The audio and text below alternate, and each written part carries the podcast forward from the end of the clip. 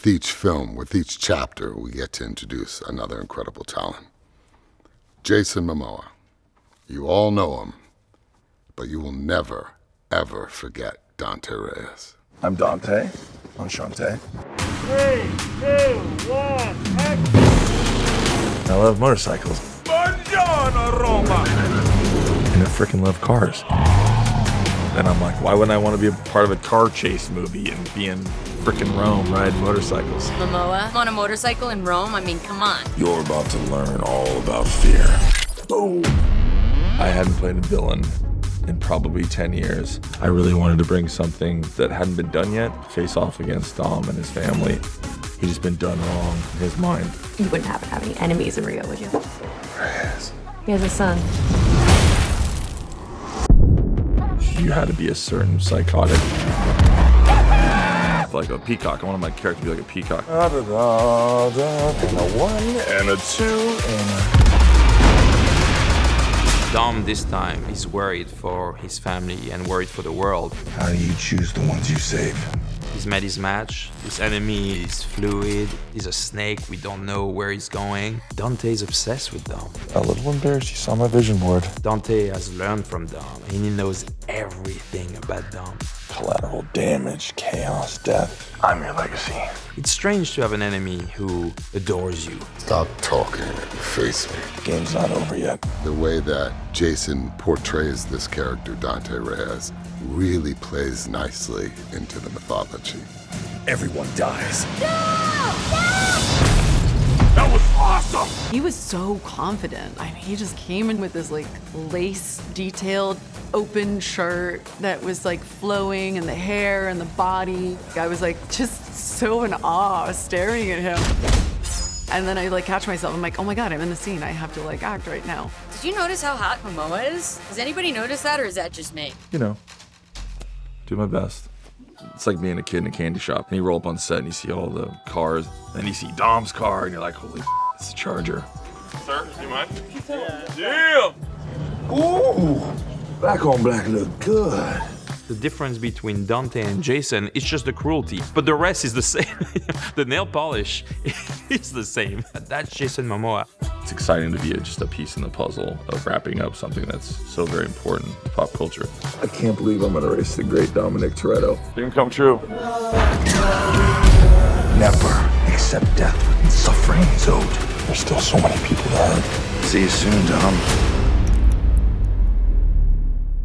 Ćao svima i dobrodošli u najnove izdanje Lab 76, dobrodošli u izdanje broj 303, sreda je, snimamo, ovo gledate nadam se u premijeri 21.00, 17. maj 2023. gospodin Dijan Potkonjak i moja malenkost su ponovo u studiju na kraju univerzuma, pošto je večeras veče za Moto Grand Prix, mada ti i ja, nadam se, trenutno uživamo u paklenim ulicama 10, da ne kažem paklene ulice X. I videli ste reklamu pre nego što smo krenuli ili mini film, ne znam nija kako bih ga nazvao, ali gospodin Mamoa se pridružio porodici, jel te, ne znam više ko je član porodice, ko nije, ali nema veze. Važno smo svi mi jedna velika, složna, nadam se, porodica i da ćemo se, i da se ti ja zapravo lepo provodimo večeras, koliko god je uh, svet taj Fast and Furious postao drugačiji nego što je bio ranije. Imaćemo i specijalnu emisiju o tom, e, znaš da nam se Miksa, to ste već najavio, pridružuje, čovjek je gledao sve filmove, Odlično. Pa da vidimo jednu mlađu generaciju kako sagledava zapravo te filmove, da vidimo deki i filmofili, kako oni posmatraju nešto što ti ja vidimo možda malo, sta, malo starijim očima, ako smem tako da se izrazim. A kada pričamo o zajednici, večeras pričamo o Moto Grand Prix, međutim, ljudi, najveća vest današnjeg dana jeste, nije lepa vest, ali nije ni tragična, dakle, odložena je, nije otkazana, za sada kažu odložena je velika nagrada Emilije Romanje, Formula 1. Dakle, Imolu nećemo posetiti ovog vikenda, kao što rekao danas 17. maj, dakle, trebalo je da se takmičimo 19. 20. i 21. maja 2023. I to je trebalo da bude triling trka u rasponu od 15 dana, zapravo ajde da kažemo 17, računajući prve treninge do tamo nedelje, kada se održava velika nagrada Španije u Barceloni, neće biti, s obzirom na činjenicu su zaista velike poplave u Italiji, pogotovo u regionu Emilije Romanje, i pre nego što popričamo o tome, samo da vam poželim da se budete dobro, bezbedno, da vodite računa, vozite računa jednim drugima i mazite se i pazite se. Zaista, pogotovo u ovom momentu, oni koji stanuju blizu velikih reka, pogotovo velikih reka, mada ni male nisu bezazlene kada je mesec maj u pitanju. Zaista proverite šta se događa u vašem, vašoj okolini, u vašem regionu, koliko znam Deki Una je na gotovo rekordnom vodostaju. Danas smo imali poplove na brojnim mestima u, u regionu i iz te perspektive zaista želimo vam svi da budete dobro. Dakle, i naravno što manje oštećenja kada je reč o nekretninama, pokretninama, ali to se sve da kupiti, popraviti. Ljudski život je najvažniji. Nažalost, u Italiji bilo nekoliko žrtava u prethodnih nekoliko dana i negde ne znam da li se slažeš za mene, jedin logičan potez, s obzirom na činjenicu da ovo nije samo pitanje održavanja trke Formule 1. Ako znamo da će doći mnogo ljudi na tu trku, to podrazumeva i da bezbednostne službe, što policija, vatrogasci i ostali koji su uključeni u kompletan rad i organizaciju jednog tako velikog sportskog događaja, moraju da budu posvećeni tome. A to je komercijalni događaj. To nije spašavanje ljudskih života, tako da mislim da, da, da je ovo jedina ispravna odluka i da treba da budu posvećeni tome da zaštite ni drugi i nadamo se da neće biti ni povređenih ni žrtava, jer to znači da su onda oni uradili svoj posao. I držimo im palčeve i što se tiče trenutnih situacija u kontekstu odlaganja, to jest novog datuma, ne znamo šta će biti, ali deki, ja mislim da ovo je jedini pravi pravi potez. Pa da, mislim, ljubitelji automobilizma ostaju bez te poslastice vezane za tri vezana vikenda stvarno onako delovalo ovaj, impozantno, posebno kad znamo kojim se stazama radi, ali generalno ovo je stvarno viša sila i verujem da sve te bezbednostne strukture u Emiliji Romanji imaju mnogo važnijeg posla nego, nego da se bave obezbeđenjem trke Formule 1, posebno iz drugog, iz drugog ugla kad se, kad se to sagleda stvarno na desetine hiljada ljudi bi došlo u regiju koja je već onako prilično ranjiva, tako da mislim da je ovo ovako jedna, jedna onako razumna odluka pre, pre svega, tako da mislim biće prilike za trkanje generalno sa vremenskom prognozom, očigledno ne može više da se igre, generalno je stvarno teško pretpostaviti šta se može danas, danas nađe, tako da mislim da je ovo onako potpuno, potpuno razumna odluka. Da, pričali smo o pa ja sinoć u tome, još uvek nosimo zimske jakne povremeno tokom meseca maja, dakle u Beogradu i okolini, iz te perspektive, da li se vreme trajno promenilo ili nije, ili to prosto takva godina, da ne otvaram jednu prilično široku temu, ali činjenice da u ovom momentu je zaista situacija nesvakidašnja i kasna, ne govorimo o početku maja, kraju aprila. Mi sada pričamo, danas, kažem, polovina maja, mi pričamo o poplama koje tek stižu i to nije baš uobičajeno. Ono što je najvažnije je ono što smo rekli, ostanu ljudi bezbedni, ali činjenice deki više ne znam kako je moguće isplanirati uopšte koji će vremenski uslovi vladati u kom trenutku. Videli smo sada, hajde, evo da se dotaknemo i uvoda u Le Mans na neki način. Le Mans koji je tradicionalno pokriven vodom, kiša uvek pada, subota i nedelja, prelepi dani, i po, prilično veliko iznenađenje. Da, prilično, prilično onako promenljivo i nestabilno vreme na koji ono stvarno neku, bilo ko da ako možda da neku dugoročnu pro, prognozu, verujem da se sad ni on više, više ne usuđuje to, to da radi, tako da ali jednostavno mislim kalendari moraju da se naprave nekako ono april maj su su početci tih trka u Evropi od uvijek bili i sad dok dok se ili vreme ne ustali ili dok se neko ne navikne na, na, na ovaj, da kažemo tu neku novu situaciju koja nas eto koja se dešava s neki 10 15 godina april i maj će biti početci trkačkih sezona pa eto kako se kako se kome zalomi što se tiče organizatora ono što se zalomilo organizatorima trke u Lemanu, ako smem tako da se izrazim i da se nadovežem na celu priču, nešto pozitivno. Hiljadita trka u svetskom šampionatu. Sad, koja trka, kako se broji, to, to, to je posebno, to zahteva posebnu analizu, pošto je bila 900 pre par godina, pa sad, koja je 900 čega 900 Ako uzmete da sabirate sve kategorije koje se održavaju, brzo možete da dođete do tih brojeva, s obzirom na činjenicu da imamo Moto trojke, Moto dvojke, Moto Grand Prix, ako ih imamo po 20 godišnje, dođete do 60 trka, još uvek ne računamo sprint, tako da relativno brzo ti brojevi nekako idu, ali kakav god da je povod bio, kogod da je izbroj kako je izbrojao hiljaditu trku, prelepo je bilo što je bila i taj, čak i ako je marketički samo osmišljen, došao baš u Lemanu, iako Leman nije okosnica možda istorije svetskog šampionata u motociklizmu, deki ti si bio u Lemanu i hvala ti za neke instrukcije koje si mi dao, nisam baš teže veom došao, to, to, to mi ostaje za, to kad budemo išli zajedno, ali nisi mi rekao da je tako impozantno zapravo. Sama staza je uska, mala je za Bugatti, za, za, za motocikle, ali Tekio ono je čudesno zapravo, one grandiozne glavne tribine, pogled na sa suprotne strane na tribinu, ni tribinu, zgradu koja pripada autoklubu Zapada, koji je osnivač zapravo trke, to je organizator od 1923. koji je osnovan 1906. osnovali ga entuzijasti i onda cela ta priča oko staze Muzej, aerodrom. Fascinantno, da, i pritom naša kabina je tako gledala preko puta, zapravo mi gledamo kako prolaze pored nas na startu ciljnom pravcu i tačno ima otvor jedan između tribina i kroz taj otvor ti vidiš kako poleću avioni, Learjet, Cessna, Cessna, Learjet, ne znam više sad koji su popularni avioni među bogatašima, ali možeš da proceniš da su stigli šefovi timova ili da odlaze vozači relativno brzo fascinantno izgleda i da navikli smo na scene nekako, ali drugačije kad sediš i gledaš avioni kako lete, dok se dole trkaju ljudi, dok je stoji 50.000 ljudi u kolini, 278.805 gledalaca za ovu trku. Tek to je priča za sebe. Ne brinite, pričat ćemo o pobedniku, žuti mikrofon je ovde, crni je tamo, kombinovali smo muni boje. Marko Beceki druga pobeda u pet trka. E, deki, ovo nisam očekivao, ja mislim da niko od nas nije očekivao da će Marko Beceki da, da izdominira na kraju. Jeste mu se otvorila trka, ali opet treba iskoristiti sve Pa, te situacije. upravo to, treba, treba da se iskoristi situacija i, i, u, i u takvim situacijama ovaj, se prepoznaju pobednici. Pa to. Tako da, ovaj, potpuno, potpuno zasluženo je sad zašto se otvorilo, otvorilo se i treba biti ovaj, dovoljno sposoban da iskoristiš takvu priliku. Jeste, i baš je bio fokusiran, ali kažem ti, taj utisak pre, pre svega jeste Le Mans. I dole siđeš na saobraćaj, pri čemu mi smo prilikom prvog odlaska na stazu skrenuli na pogrešnoj kružnom toku i sad odjedno vidiš čekaj, o, o, odbojna ograda je ovde, ovde je catch fence popularni, ne znam kako da, da Kod ne znam. Petre Ruža može se pogreši pa da odeš, odeš u stvari na muzan. Da, da. Da, na Mulzan smo otišli u suprotnom smeru i kao čekaj, ovo mi je poznato i gledaš kao, aha, ograda, catch fence, ne znam kako da nazovem catch fence, catch fence je ograda za hvatanje automobila, ali bukvalno je vidiš i kao, čekaj, ovde je Mark Webber leteo u Mercedesu. Znaš koje godine je leteo? Se sećaš? Ja sam sinoć. 99. je. Bravo, deki. Ja sam rekao, ja, prošlo je 20 godina. Peter kao- Dambrek i Mark Webber. I, I još kažem, po, prošle 20 godina i pa ja sam gledao, ma nije 20 godina prošlo. Ne, momci, prošle je 24 Da, da, da. godine od kada je leteo Mark Webber i kao, o, o, o, o.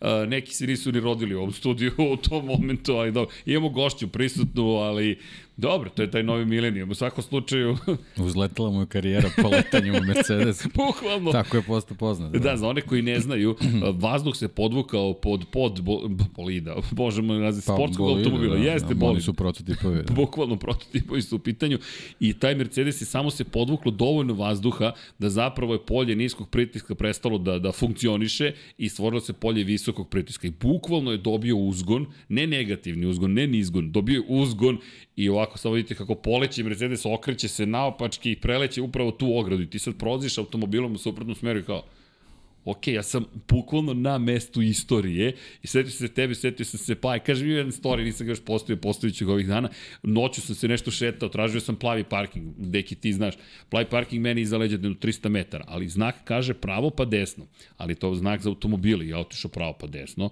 pa desno, pa desno, pa desno, odo ja na Mulzan pravac dole, razmišljam, čekaj čuč, gde je ovo desno, i onda shvati sad će ti srđane lepo da obiđeš celu stazu, i to duži deo staze, i rekao, ok, negde na 7. 6. kilometru sam pozvao momke iz kampa, rekao, ljudi, vidimo se sutra, ja odoh negde drugde, ali dok sam se šetao, nailazim na asfalt u kojem su utrljene gume, nije, to je malo, nije malo pneumatika, znaš o čemu pričam, to, je, to su gume i gume i gume i gume, i razmišljam, to je to, to, to je 24 časa Lemana i cijela istorija koja je predivna, stota godina od prve organizacije trke, 91. izdanje ove godine na programu, ali kogod je u mogućnosti, verujte, i za 24 časa Lemana motocikala, automobila, veliku nagradu u motociklizmu Francuske, verujte, treba da odete. Kampovi pokraj staze, pa tu nema spavanja. Pa to, evo gledam Matt Oaksley koji mu je glavni izveštaj sa, sa, sa trke, pa šta se događalo u kampu, bez obzira na spektakl koji se dešava na stazi. E sve to nekako treba upiti i da citiram veliki broj ljudi u, u pres centru. Znaš, staza u Lemanu je bez veze zapravo, ali zato što je toliko bez veze, uvek dobijemo spektakl. Jer ona zapravo je mala, uska, kratka, sve nekako... Pa generalno taj, taj zadnji pravac u stvari služi kao prilazni put za, za šlepere Bukvalno. tokom 24 sata. Tako je, i ta staza zapravo, vi možete tamo da vidite zapravo veliki broj šlepera koji se pojavljuju, ali naravno ne tokom ovog vikenda, ali je bilo zanimljivo gledati zapravo u celoj toj situaciji, izvinite za moje coktanje, to je, to malo smo trčali da stignemo, ali činjenice da, da, da kada pogledaš sve šta se događa, ide na južni izlaz, ide na severni izlaz. Inače, da, imamo anegdotu.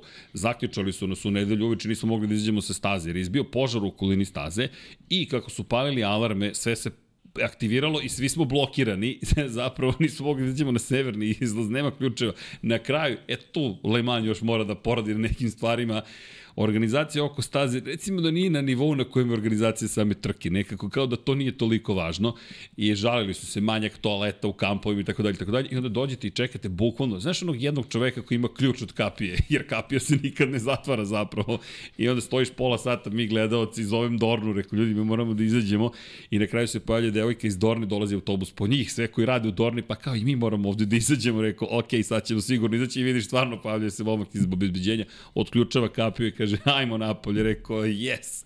Ali dobro, sve to Le Mans. I na sve to dođe spektakularna trka i zastrašujuća trka, zastrašujuća podjednak u Moto Grand Prix klasi, u Moto 2 klasi nekako sprint kao da zapravo je adrenalin podigao zaista na više nivo i baš sam pričao Michel Turko, inače čovjek koji piše za L'Equipe, jedan od najpoštovanijih svetskih novinara za motociklizam i rekao srđane, mi ne možemo da izdržimo više. Pošto je bio na svim trkama, ovo bi bilo prvo ove godine na licu mesta, rekao čovječe, mi ne možemo da izdržimo. Jer čak i za novinare, potera za izjavama, za izveštajima, za, za, za, za pričom u sprintu je dovelo do toga da ljudi već su izgubili neki uredovan tempo, ni to kukanje, to je samo konstatacija, on, on isto kaže, kaže ja, ja se resetujem u subotu uveče i krećem u novu priču. A to je generalno problem što, što imamo duplo više dobrih trka, ali jednostavno uh, neke ovaj, kvalitetne stvari koje se dešavaju jednostavno prođu bez analize zato što se bukvalno događaj smenjuju jedan za drugim. Pa hoćemo da analiziramo sprint od Jorgea Martina. Gotovo da nemamo vremena da izanaliziramo sprint na adekvatan način, zahvaljujući činjenici da je glavna trka velika nagrada bila toliko spektakularno uzbudljiva, konačno važna iz perspektive šampionata, da, da, da je za, za, za sprint konstatacija Jorge Martin je pobedio najzad u sprintu, drugi je bio, čudno mi čuda, čovjek koji je redovno na da kažemo pobjedičkom postoju Brad Binder i Francesco Banja je svetski šampion kome očigledno sprintovi odgovaraju, to je Brad Binderu i njemu izgleda da, da odgovaraju i to je prilike to. A ima toliko toga što treba ispričati. Naravno, dotaći ćemo se mi sprint, ali samo jeste baš, baš, baš onako mnogo toga se izbija. Ali, ne, ne kukamo, samo kažemo ne znam kako, i mi, i mi moramo da naučimo kako sve to da pokrijemo. No, ajmo mi da krenemo od, od velike nagrade. Deki, Marko Beceki, će da osvoji titulu. Šta je sad ovo? Čak i on rekao, pa počeo sam da razmišljam o tituli šampiona sveta, s obzirom na činjenicu da član VR 46 Akademije, Valentina Rosija, koji inače bio drugi u Brands Hatchu u, u BMW u GT3 kategoriji, rekao je, Marko, nadam se samo da će prijateljstvo, prijateljstvo potreti sa Franceskom Banjajom, obojica provodimo mnogo vremena zajedno, prijatelji smo u okviru Akademije i ne, ne želim to da izgubim, ali to je ono što smo se i pitali, Na čiju stranu će stati Valentino Rossi u ovoj situaciji? Za fabrički tim Ducati vodi Franče, vozi Francesco Banjeko, ostao ponovo bez pojena u glavnoj trci posle kontakta i incidenta sa Maverikom Njalicom, a Marko Beceki druga pobjeda u pet trka. Ima isti broj pobjeda kao Francesco Banjaje. Dobro, ti sad malo to Rossi ubaciš u ne, da romansiraš malo čitavu priču, ali mislim da da je dobra stvar što generalno bez njihovog nekog spektakularnog duela mi imamo ovaj ovakvu situaciju u šampionatu. Tako da ovaj poen razlike samo. Poen samo razlike, a ono što smo i na početku sezone pričali da postoji mogućnost da ove godine dobijemo nekog novog Bastianinija. To je očigledno ovaj ekipa Muni sa svojim sa svojim motociklima prošlogodišnjima, a pre svih Marko Beceki zbog eto ovaj neke situacije koja mu se otvorila od početka sezone i onda tu je gde jeste, vidimo i da je, da je Marini sve bolje i bolje, nego malo, malo tu sreće nedostaje. Ovaj, ali generalno Becek je za sad taj koji, koji eto, vreba, vreba iz prikrajka i kao što imamo tamo negde od 2019. uvek imamo sezonu da se pojavlja neki prijat, privatnik koji malo ako mrsi, stvari, mrsi da, da. konce da. fabrikama, tako da mislim da je na Marka došao red ove godine. I baš lepo izgleda. Samo da raspomenemo i drugog Marka, da ne kažem Marka Markeza, koji je celu priču potpunio svojom pojavom i vozio spektakularno. Dakle, ovo je vožnja koja je završena u šljunku, ali za koju on sam rekao, ja sam prezadovoljan. Pa između dva pada sve što je uradio je bilo briljantno.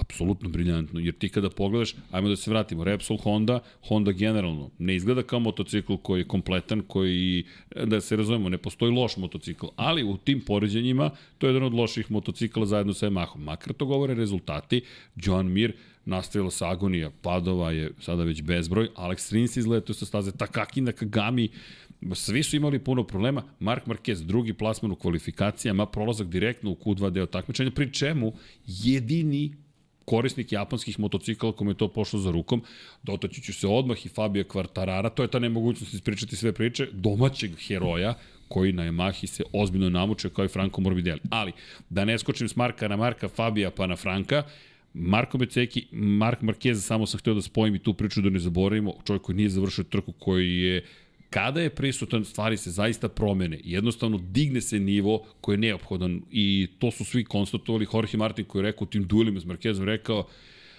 Znao sam da će biti teško, ali svaki put naučim kad se s njim borim za nešto. Jer tu se radi o veteranu, jednom najuspešnijih vozača svih vremena i čovek koji ima ozbiljno znanje kada je reč o motociklizmu. Samo da, da, da spomenem i to, doći ćemo na Markeza, ali a, ne znam ni gde da nastavim, deki, toliko toga se desilo. Ajmo samo da spomenemo Francesca Beljovi, pošto je vodeći u šampionatu i pa, brani mislim titulu. da je to onako ključna, ključna stvar trke, zato što se posle toga svašta nešto razvilo. Pri čemu incident sa Maverickom Vinjalesom, koji opet, deki, da se vratim, da te citiram od prošle uvek nešto.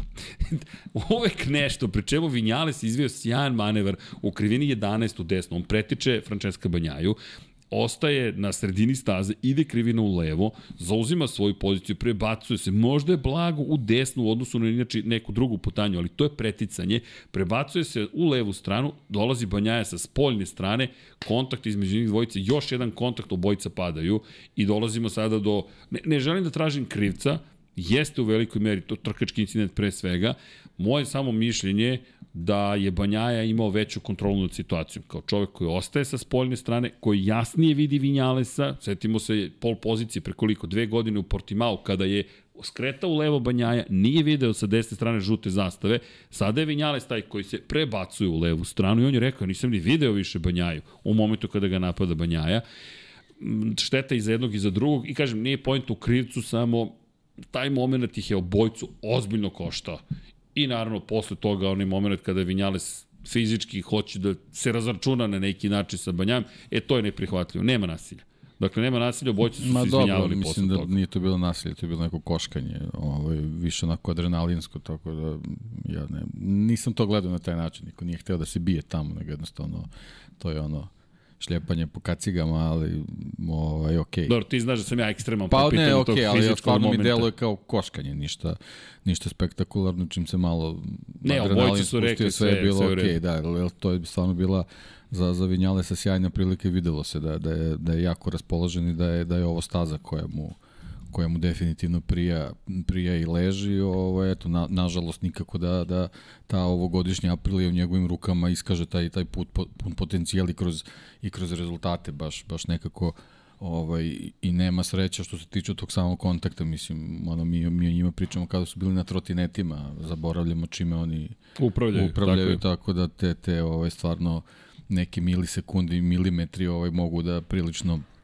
poremete čitavu, čitavu situaciju na stazi, naravno evo ovoga puta bilo onako nesrećno i, i, za jednog e, i za drugog, naravno da, moguće da je Banjaja mogao da ima malo veću kontrolu nad, nad situacijom, posebno zbog njegove pozicije trenutne u šampionatu, ali jednostavno i taj adrenalin ponese i Trkači. bez obzira što si svetski šampion, tako je, nisi sad ti tu da, da kalkulišeš i popuštaš, nego se jednostavno trkaš i ja sam apsolutno za, za, za, za to, sad naravno isto, ono, možemo da sad analiziramo po frejmovima ko je, ko je kriv ili ko, ko nije Kažem, kriv, ne tražim ali čak ni krivca. apsolutno ono, apsolutno trkački incident i nastavit ćemo dalje i, i priču o, o tome kako sad već počinje malo čudno da se gleda ovaj, na, na sve te situacije, tako da Pa ide novu kaznu Tako Breda je, Binder, ali je. to je, to je ček dalje, proceduralna da. greška. Nego ajde da. da, da, da zaokružimo ovu priču vez, vezano za Banjaju. Mislim, generalno on, on iz trke u trku pokazuje da je sposoban da bude apsolutno u vrhu na, na svakoj trci, da je apsolutno glavni favorit za, za, za pobedu na svakoj A, velikoj da, da, nema- nagradi. nema drugog. ali ovaj, ja, ono, ako, ako, ako se gleda sa, sa te neke ovaj, gledalačke strane, aj- ajde kažeš možda i, i, i navijačke, ja, ja sam uvek za to da se vozi bez kalkulacija, da, da, da se ne razmišlja na taj način, nego da jednostavno pokušaš da iz trke u trku bude što bolji. To je jednostavno uh, proizvod uh, takvog razmišljanja i ovo što se desilo sa Vinjalesom, tako da ovaj, žao mi je što su obojice završili u šljunku, zato što mislim da bi, da bi spektakularan bio i nastavak ove borbe, posebno što mislim da, se, da bi se i Vinjales tu uključio u, u, u, tu neku bitku za sam vrh, ali šta je tu je, mislim, jednostavno takva je trka bila i znamo kad smo prvi put u ovim podcastima pričali o, o Le Manu, da, da smo svaki put najavljivali da, da, da će to biti trka sa puno padova, tako da nije nas izneverila ni, ni, ni ove godine, da tako kažem. Ne, apsolutno nije, ajde, izneverila, ako, ako je to adekvatan termin za, za, za stazu ko drži, ne drži rekord apsolutni po broju padova, pošto smo imali kišne trke u kojima je bilo više padova, ali kada pogledate prosek, Le Mans je staza na kojoj se najviše pada, ne samo u Moto Grand Prix, već i u Moto 2 i u Moto 3 kategorijama, nažalost i u Red Bullovom kupu Novalja. Moto je kategorija se isto pojavila na stazi ovoga, ovoga vikenda. Baš je bilo žestoko iz perspektive i ritma i tempa, no nekako i organizatori se polako navikavaju na sve to, ali Le Mans ne menja tu svoju stranu, padovi kao da se podrazumevaju i kažem, i slažem se s tom, žao mi je i Vinjalesa i Banjaje, želim da vidim upravo kako bi sve to izgledalo, pogotovo što su oni u tom momentu ljudi koji zapravo ulaze u bitku sa Markom Markezom i Jackom Millerom. Jack Miller, Mark Marquez su u tom momentu na vodećim pozicijama. Dva vozača koje su odustalo. Jack Miller dva pada u dve trke i sam je rekao ovo nije prihvatljivo. Ovo je potpuno besmisleno što sam uradio. Neću da ni čak prenosim citat, bi je malo prilično grub prema samom sebi, s razlogom. Propuštene su ozbiljne prilike da se dođe do, do vrednih poena. I u sezoni u kojoj ima ovako mnogo incidenata, padova, nepredviđenih situacija, svaki poen zlata vredan. Da, pa dobro, evo, ova, ovaj početak sezone je možda i njemu odgovor ako se ikad bude pitao zašto više nije u Ducatiju. Lepo rečeno, Deki. Lepo rečeno, jer ovo je upravo, nažalost, ista verzija Jacka Millera koga smo gledali. Jedna dobra trka i jedna loša trka. Jel, Jedna dobra zbog trka, loša izdanja trka. ostalih vozača na KTM-u, pre svega uh, Bindera i Pedrose u nekom ranijem izdanju, a, Augusta Fernandeza To- i tako dalje i tako dalje, apsolutno nikakva krivica ne može da se da se stavi na, na, na motocikl. Motocikl funkcioniše. Funkcioniše. Znači sad za razliku od Banjaje, kažem, o, o kojem pričamo, o, o, o, toj nekoj situaciji gde apsolutno nema razloga da on pravi bilo kakve kalkulacije. S druge strane, Jack Miller bi možda u nekim trenucima ipak trebao da ovaj da, da možda promeni tu neku taktiku i da, da se u nekim situacijama zadovoljava nečim što možda nije nije njegov kriterijum, ali jednostavno mislim da je jako važno pre svega za njega da u ovom trenutku počne da završava trke. Jer na to mesto u KTM-u mislim da mnogi gledaju, a posebno što gleda jedan ver, verovatno već počinje da meri ovaj, Sedište svoje, sedište, bukvalno, za čovek, RC16. Da, da kažem imenom i prezimom Mark Marquez verovatno razmišlja o opciji koja se zove KTM. Posledno posle njihovih izdanja u ovoj sezoni. Sve se nekako otvara ka tome da će KTM baš imati situaciju i sa Pedrom Akostom na koga ćemo doći u Moto2 klasi koji imao ne svakidašnji zapravo na kraju loš da. vikend. Mnogo, mnogo ljudi tipuje na sedište ovaj, Jacka Millera. Da, I u ovoj situaciji on ne može sebi to da priušti. Pogotovo što je Brad Binder trenutno treći u prvenstvu sveta. Uprko sa svim kaznama kojima je izložen iz trke u trku. Dakle, šesta pozicija na kraju glavne trke, drugi u sprintu. I kad smo se pitali na kaznu. početku sezone, izvini, zašto su KTM odabrali Breda Bindera da on bude traj, čija će biti poslednja Evo odgovora. u pripremi motocikla za trku, dobili smo odgovor. 81 U stvari poen. dobijamo odgovor, Dobija. traje to još. Pa deki, on je samo da. 13 poena iza Francesca Banjaja u šampionatu i moje mišljenje je bilo baš da će e, glavna trka njemu Evo još jedno poređenje. Jack Miller im isto broj bodova ako Fabio Quartararo. To nisam, nema nigde. To, to moram ti priznati, nisam analizirao. Čekaj, čekaj, sad si me uhvatio potpuno nespravo. Jack Miller, Fabio Quartararo, 49, 49, isto koliko i Maverick Vinales.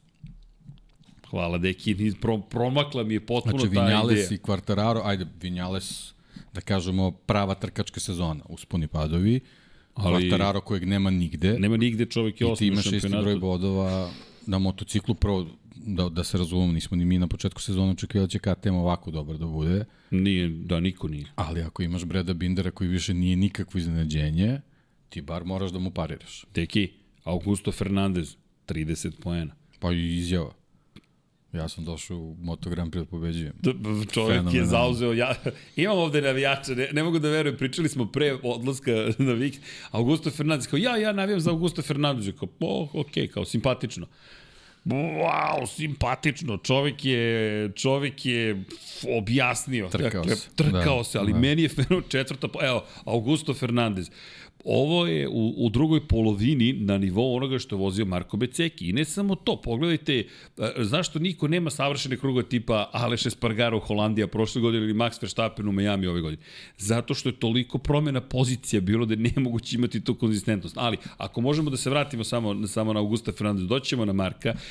Dakle, peti krug 32-3, e, s- to imamo u šestom krugu mali gubitak vremena, ali to opet kažem preticanje, gubitki, po, gubit, pozicije i tako dalje. 32-5, 32-1, 32-3, 32-2, 32-3, 32-4, 2-7, 2-3, 2-6, 2-1, 2-3, 2-3, 2-1, 2-2 zapravo, pa posle tih 2-2, d- a, t- 2-4, 2-2, 2-2, 2-4, 2-5, 2-3, 2-6, 2-5. To je Novajlija na KTM-u u Le Manu, dok se bori za poziciju i dok je pritisak, jer on je u francuskom timu, Teh 3, na, sled, na sred Francuske, a ekipa je imala pobedu u Moto3 kategoriji, Teh trojke su, dakle, u dve klase u kojoj su se takmičili bili na nadomak pobedničkog postolja. RV Poncharal ne da je bio srećan, nego ljudi slavili su bukvalno i taj isti Augusto Fernandez nije tako daleko od Jacka Millera.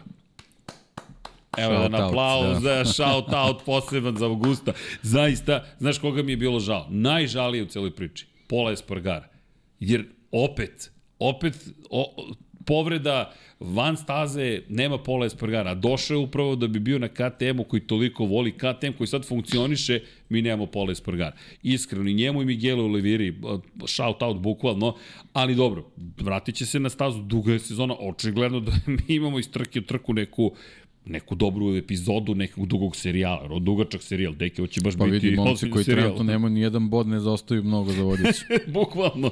Čekaj, ti na kraju imaš Danila Petrućija koji ima 5 poena, da shout out i Danilu koji menjaju Neo Bostinini. Inače, ja moram reći da, da pomisliš Moto Grand Prix, volimo ga, sve okej i, i pratimo ga. I bili smo malo skeptični sprint, da, ne, da, ne, i dalje ostaje najstrašnija stvar koju sam ikada gledao u životu, ali nismo išli na Isle of Man, pa pretpostavljam da će to biti strašnije, ali ja se iznova iznova zaljubljujem u Moto Grand Prix. Dakle, taman pomislim, to je to, sad imamo se, ti dođeš u Le Mans, onda cela ta atmosfera, pobedi tamo neki klinac Marko Beceki koji je super šarman, e, svaki put me natera na suze, moram da se naviknem, jer, jer Marko sa kosicom podsjeća me na, na Marka Simoncellija i razmišljam, ne kaže da bi Marko bio Simoncelli na Mene ovom mnogo više posjeća na Rosiji. I to sam htio sad da ti kažem. Od, od svih tih momaka koji su u toj priči, on mi je onako nekako najsličniji Rosiji. Znaš ko je to izjavio? Matt Oaksley.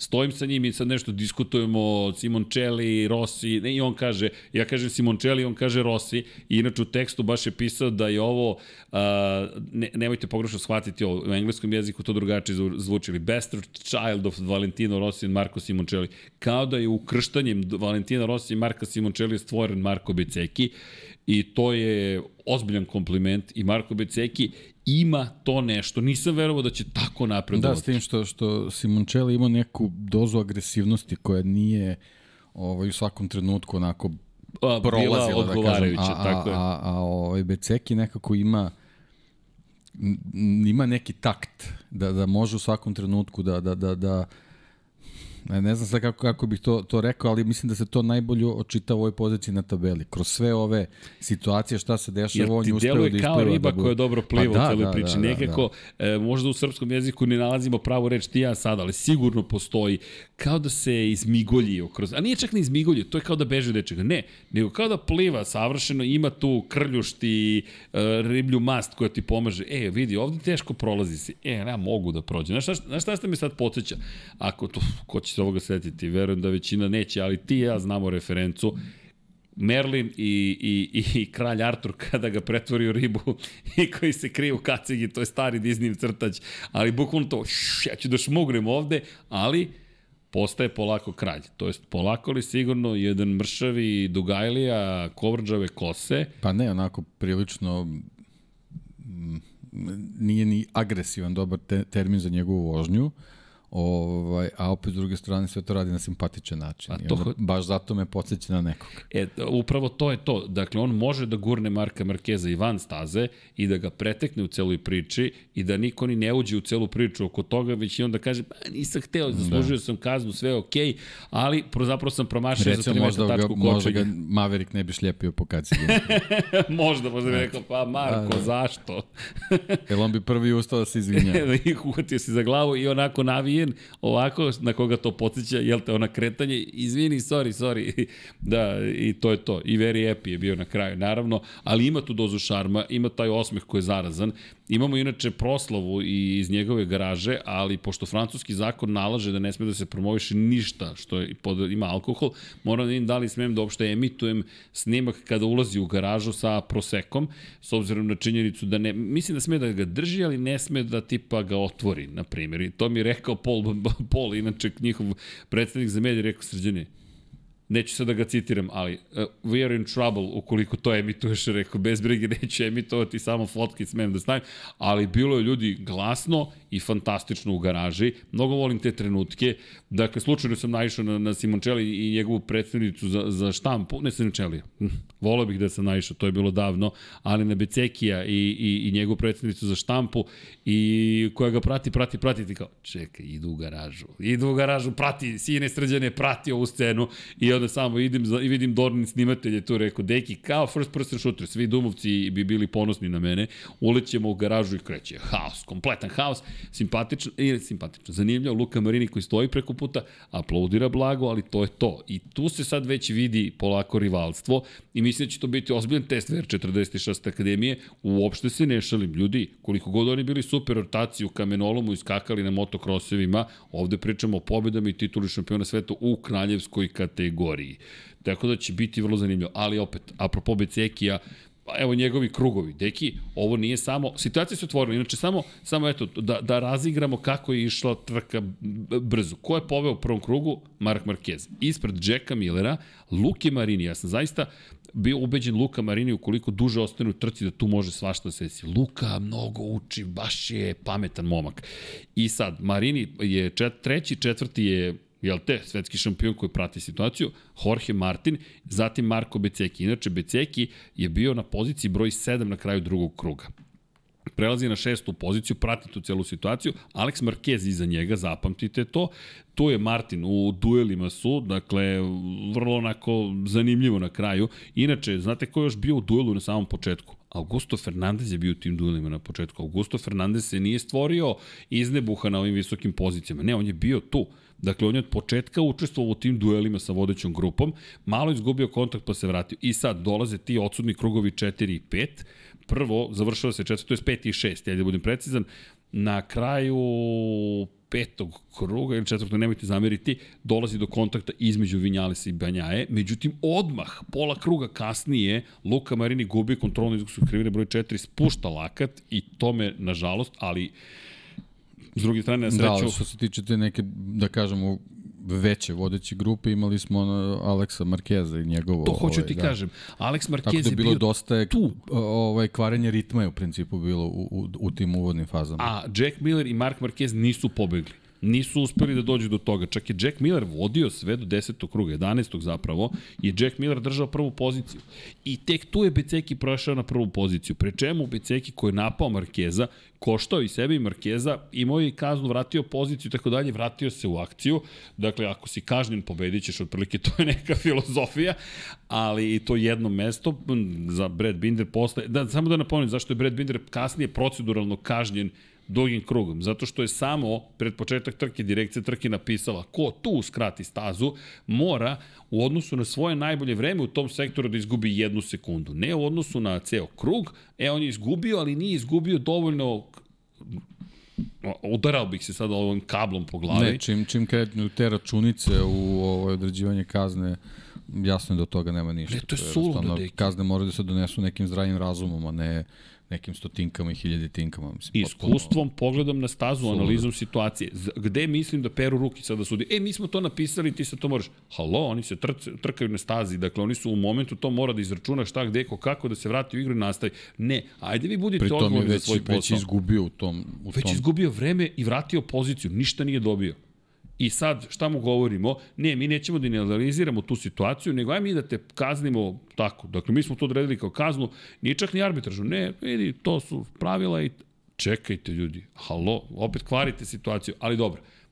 Brad Binder sve to prihvatio, ono što je meni super profesionalizam kod Brada Bindera. Kažnjen, važno, radit ću moj brzi krug. Pa ne, nema šta, zato što svako, svako nerviranje ili dekoncentracija izbacujete iz ritma i ti u ovakvoj trci, onda nema šta da tražiš. I Jednostavno, to je, to je u stvari recept za sve njih, kao i Banjaje u Herezu. Ok, kažnjen sam, vozi, idemo dalje. vozi. Tako I to je radio Marko, to je radio Brad. To je ono i osnovno pravilo u te- tenisu.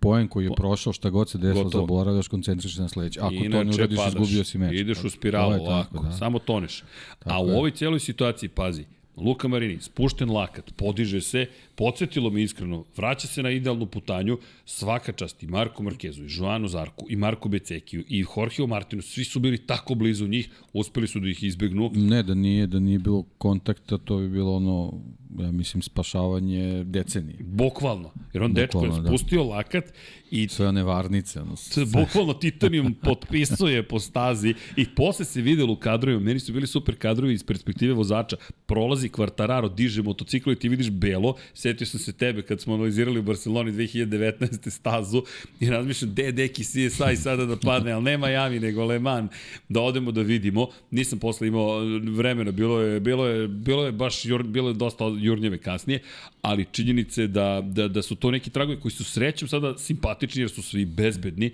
ali Luka Marini, propuštena šansa. Alex Marquez, propuštena šansa. Mi ne znamo šta bi teh njih dvojica učinili. Dakle, mi smo izgubili četiri vozača u toj cijeloj priči. Svi su mogli da se bore za plasman na pobjedičko postoje u najmanju ruku. I, I sad, Le Mans, moram ti reći, malo me plaši. Idemo u Muđalo za četiri nedelje, koja je super brza staza. Pri čemu italijani su raspoloženi. Idemo u Italiju, Ducati radi, Aprilia radi, to je domaća staza i za njih iz te perspektive. Španci, tek su raspoloženi i sad ti sediš i razmišljaš, čekaj ljudi. Ajmo ništa, ajmo ovaj, kad se već Ajmo. krenuo pa da završimo s Munijem onda. Da, da. Što se tiče ove Luke, stvarno je pokazao da je on brzo ove sezone, da njemu odgovara taj motocikl i tako dalje, tako dalje, ali posle Portima i, i ovaj, izbacivanja Enea Bastianinija, to je to je svog pada, ne, ne, Naravno. Ovaj, on je samo nesrećno pokupio Eneo, ipak, ipak se vidi da, da ovaj, u, u tom, u, u, u toj potrebi da se pronađe ta dodatna agresivnost, to koja je neophodno očigledno ove, ove sezone trkama, da ipak Marko za nijansu ovaj, u prednosti u odnosu na, na, na Marinija i u, kao što si rekao, verovatno ćemo ove sezone dobiti taj neki rivalitet unutar ekipe, samo eto, nadam se da zbog celog tog imidža koje VR46 nosi, da će, da će to ostati na nekom zdravom sportskom, drugarskom odnosu. Znaš na šta? Zvaće se to rivalitet, ali eto, nadam se da će, da će biti uh, pod nekim njihovim zaštitnim znakom, da će biti na taj način ovaj, sve to ovaj, odrađeno, da tako kažem. Znaš na šta me podsjeća? Da Becek ima oštricu koju Marini možda nema. Kada kažemo oštricu, tu oštrinu koja ti je neophodna u ključnom momentu da povučeš određeni potez, da se na neki način nametneš. Meni, njemu se otvorila situacija kada su pali i Marquez i Marini. Pričam je, pritom je on napadao Marini u tom trenutku. Marini koji je pokušao da zaštiti poziciju ima problematičan prolaz kroz krivine 3 i 4 to i rekao. Rekao je, suviše bio na pasici Jest. i tu, to smo videli i kod drugih vozača. Ako si suviše dugo na onom Mivičnjaku, jednostavno potpuno si kompromitovao izlazak dalje Jest. i samo trebaš da bude srećan da ne izgubiš prednji kraj. E, teško je preneti kako da, Da. ta krivina zapravo da. izgleda. Meni je žao što vis, ra, da. razlike u visinama ne prikazuje kamera na adekvatan način. Volao bih drugačije da ih To je postave. jedini segment bio koji ne odgovara Vinjalesu. Bukvalno. Sve ostalo je njegovo bilo. Da, ali, ali šta je zanimljivo kod Lemana? Ulaz u prvu krivinu, to nije ravno, to je uspon zapravo. Vi imate na, nagib, zato mogu i tako brzo da uđu. Vi imate praktično nagib i oni zato toliko i rizikuju. I onda idete levo, desno, gore, a svi penjete ka Dunlop mostu, To je tek ironija Michelin, glavni sponsor veliko Michelina, Dunlop zaovek zalepljen. Zauvek, zaovek zalepljen. Pri čemu? Goodyearove reklame su bile prelepljene, pošto se Goodyear sprema za 24 časa Lemana, Goodyear je prelepio, rekao, ćete da prelepite i most Dunlopov, a ne, to se ne lepi, to zauvek stoji tu, Dunlopova šikana i tako dalje i tako dalje. I jelem, prelaze preko mosta i to je, to je bukvalno prevoj, ti ne znaš šta te dole čeka. E, od tog momenta, ljudi, to je spust. Dakle, ideš dole u šestu, spuštaš se ka sedmoj, tamo muzej, pa skreće, dakle, šapel ide, dakle, kapela, jel te, pa ideš ka muzeju, nije to baš tu odmah pored, ali sve to tu Pa dobro, nadomak. da, da, nije sve, daleko. Sve to... Levo kroz muzej, Zatim ideš ka garaž ver, to je zelenoj garaži, sve to nizbrdo. Kad se pitate zašto im beži zadnji kraj, zato što su svi nategli zapravo prednji kraj, nabili napred i pokušavaju nešto da urade i zato su svi imali, neki testirali te tvrđe prednje gume, jer vi trošite prednju gumu, preopterećujete, mnogo se brzo zagreva. I potom tek idemo da, na zadnji pravac, pa tamo kroz osmu koja ima dub dva temena krivine i onda idemo ka devetoj i desetoj šikani i onda taj blagi uspon ka, ka startocijem pravcu i onda opet krećemo uzbrdo. Što ti kažeš, to jedino mesto gde Vinjalesu ne odgovara. Ali cijela staza je mnogo kompleksnije zapravo nego što se vidi iz neke iz jedne perspektive i baš je kao karting za, za, za Moto Grand Prix ali donosi dobre trke. I sad u celoj toj situaciji Becekiju se otvara prostor, ma, Alex Marquez, opet odgovor nemamo šta mogu da urade. Mi vidimo da je on Pa brzo mogu, Ducatiju. mogu dosta. Mislim, nažalost, desilo mu se, desio mu se Austin ovaj, i sa onom bolesti i onaj pad na, na sprintu, desio mu se Jorge Martin. Jeste. Sad, i, i generalno, to je, to je taj onaj klasičan problem, ti kad krene tako nekoliko nekih ovaj nepredviđenih situacija koji se dešavaju u trenutku kad si dobar, ti već na sledećoj trci pokušavaš Da nešto nadoknadiš, da. a sad sad je još plus dobio kaznu, ovaj Tri pozicije unazad mora da se pomeri. I to je taj ta neka lančana reakcija gde ti u stvari počneš da sumnjaš kao pa šta se deša u stvari Alex Marquez na Ducatiju je fenomenalan. Bukvalno izgleda fenomenalno. Mislim, to je to je jedini moj ono zaključak bez obzira na na na rezultate koje koje to jest Na bodove istih, da. bodove koji se sad kao ovaj očitavaju u šampionatu, ali generalno on sa Ducatijem potpuno pre, pre, preporođen čovjek. Meni izgleda sjajno e, i čak ta njegova izdržljivost, nepopustljivost. Inače, kaznu nije dobio za taj incident. Kaznu je dobio za napad u krivini 6 gde je promašio kočenje. Ambiciozno. Ambici, ambiciozno, blago reče. Dobro, Pola to je opet neki bežalo. novi Alex Marquez, to Jeste. ranije nismo viđali na taj način. Nije, nije imao to samo pouzdanje. Tako je. Nije imao to samo pouzdanje, Zarka je pomerio Tako levo, je, Bindera je utešili smo ga ako sluša. da, pa ne, ali moraju tako da pristupe, inače će biti ozbiljnim problemima. E, i, Ali ova trka je pokazala da je te kazna tri mesta, apsolutno ne mora ništa znači. Sada više ne, i to je zanimljiva tema bilo u Lemanu. Kako sada imamo preticanje? Šta se umeđu vremenu desilo? Zar niste rekli pritisak u gumama je tako visok kada smo u grupi da ne može da se pretiče? Par stvari. Prvo, niko nije na 1,9 bara pritiska prednjeg pneumatika. To su priznali otvoreno, pročitajte Metu Oaksley šta su rekli zvanično, idite, pročitajte njegovu kolumnu iz Lemana, Gigi Dalinja, šef Ducati je rekao niko ne vozi u, u okvirima pravila. Dakle, svi imamo ilegalan pritisak u gumama i to su manje više svi timovi potvrdili. Rekli su zašto se odustalo trenutno od je obaveze da imate merač koji proverava u svakom trenutku pritisak u gumama. Rekli su ljudi, svi će popadati, ovo je ne, nemoguće pravilo sa ovim gumama mi da budemo iznad 1,9 pritis, bara pritiska prednjih pneumatika, svi padamo. Jer u grupi zaista raste temperatura. Taktika se promenila. Ako poslušate Mateja Flaminija, koji je glavni inženjer zapravo za Marka Beceki, on je rekao, bukvalno pripremio sam mu prednju gumu za vožnju u grupi, da mu se podigne pritisak zapravo u grupi i rekao je Marko, da, bio je nešto niži pritisak nego što su očekivali, ali nije imao problem sa tim. I počinju polako vozači, vraća se taj Moto Grand Prix u kojem je moguće preticati. U Lemanu, u Muđelu, pa samo zamislite, na, pogotovo na startnom ciljnom pravcu šta će tamo biti. Na kočenju smo videli isto razlike, videli smo ko gde nadoknađuje, Mark Marquez i te kako na kočenju nadoknađuje.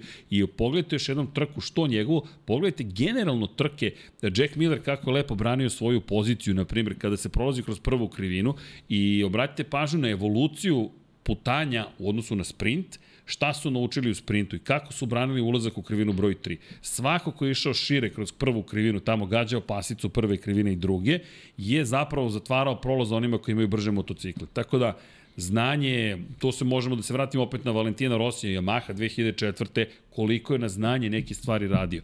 I mislim da tu treba i Fabio Quartararo da traži inspiraciju. Mark Marquez neka mu bude inspiracija. Ja ne znam šta bih ti rekao, iskreno malo se skočio na Marka Marqueza. Ja sam potpuno oduševljen šta je čovek učinio. Došao je, deki, poslednja njegova puna trka nije bila velika nagrada Valencije. već velika nagrada Malezije, je li tako? To je pretposlednja trka sezone prošle bila, pri čemu je tada bio još uvek rekonvalescent od povrede, to jest operacije, a mi imamo čoveka koji je proveo pa većini o, ove sezone u bolničkom krevetu, povreda prsta, ali bez obzira, nije testirao Herezu, Kalexovu šasiju, Kalex nemački je počeo da proizvodi šasije, to je ramove za Hondu, kao proba nekog pokušaja napretka, u petak ju je prvi put video i pol pozicije sutra u u tom sprintu na poziciji jeste bio prvi pet na kraju, ovde imao šansu da bude na pobedničkom U petak postolju. je video već jednu propastio. Ali to je, ali ja, to je Mark to Marquez. je Mark Marquez. Čekaj, Mislim, gde nam je knjiga? definitivno, definitivno ga imamo ovaj, u, u nekom ovaj, 2013. Da. Da. ono što si rekao, isto je pričao čovek. Ko voli da želi da, Da. nauči o Marku Markezu, ovo jeste u njegovoj najboljoj sezoni, 2013. godina, prva šampionska Pre odmah 10 sezona. godina. Pre 10, ali deki, ti si meni pomogao. Srki, šta ti je? Pročitaj knjigu, pročitaj knjigu. A, ljudi, postoji samo jedna verzija Marka Markeza. Sve sad smo je ili videli. ništa. Sad smo je Kraj. To je to. To je to, bukvalno. I dođemo gde? Uništio je, ali je našao granicu Tako je. i njegovo razmišljanje, nekima je to cinično, nekima je sportski, zavisi da li ga volite ili ne. Neko me pitao u pres centru, da, čovjek s kojim sarađujemo, ajde, nisam ga pitao za dozvolu da ga imenujem, kaže, ko ti je najbolji vozač u Moto Grand Prix trenutno? Je rekao, ko je najsimpatičniji ili ko je najbolji? Šta me pitaš? Pošto su navijačke strasti se svode upravo to. Da li je Marko Beceki harizmatičan, Luka Marini, Mark Marquez? Ovo je, kaže, pa ne, ne, ko ti najbolji vozač? Pa rekao, Mark Marquez. Zašto?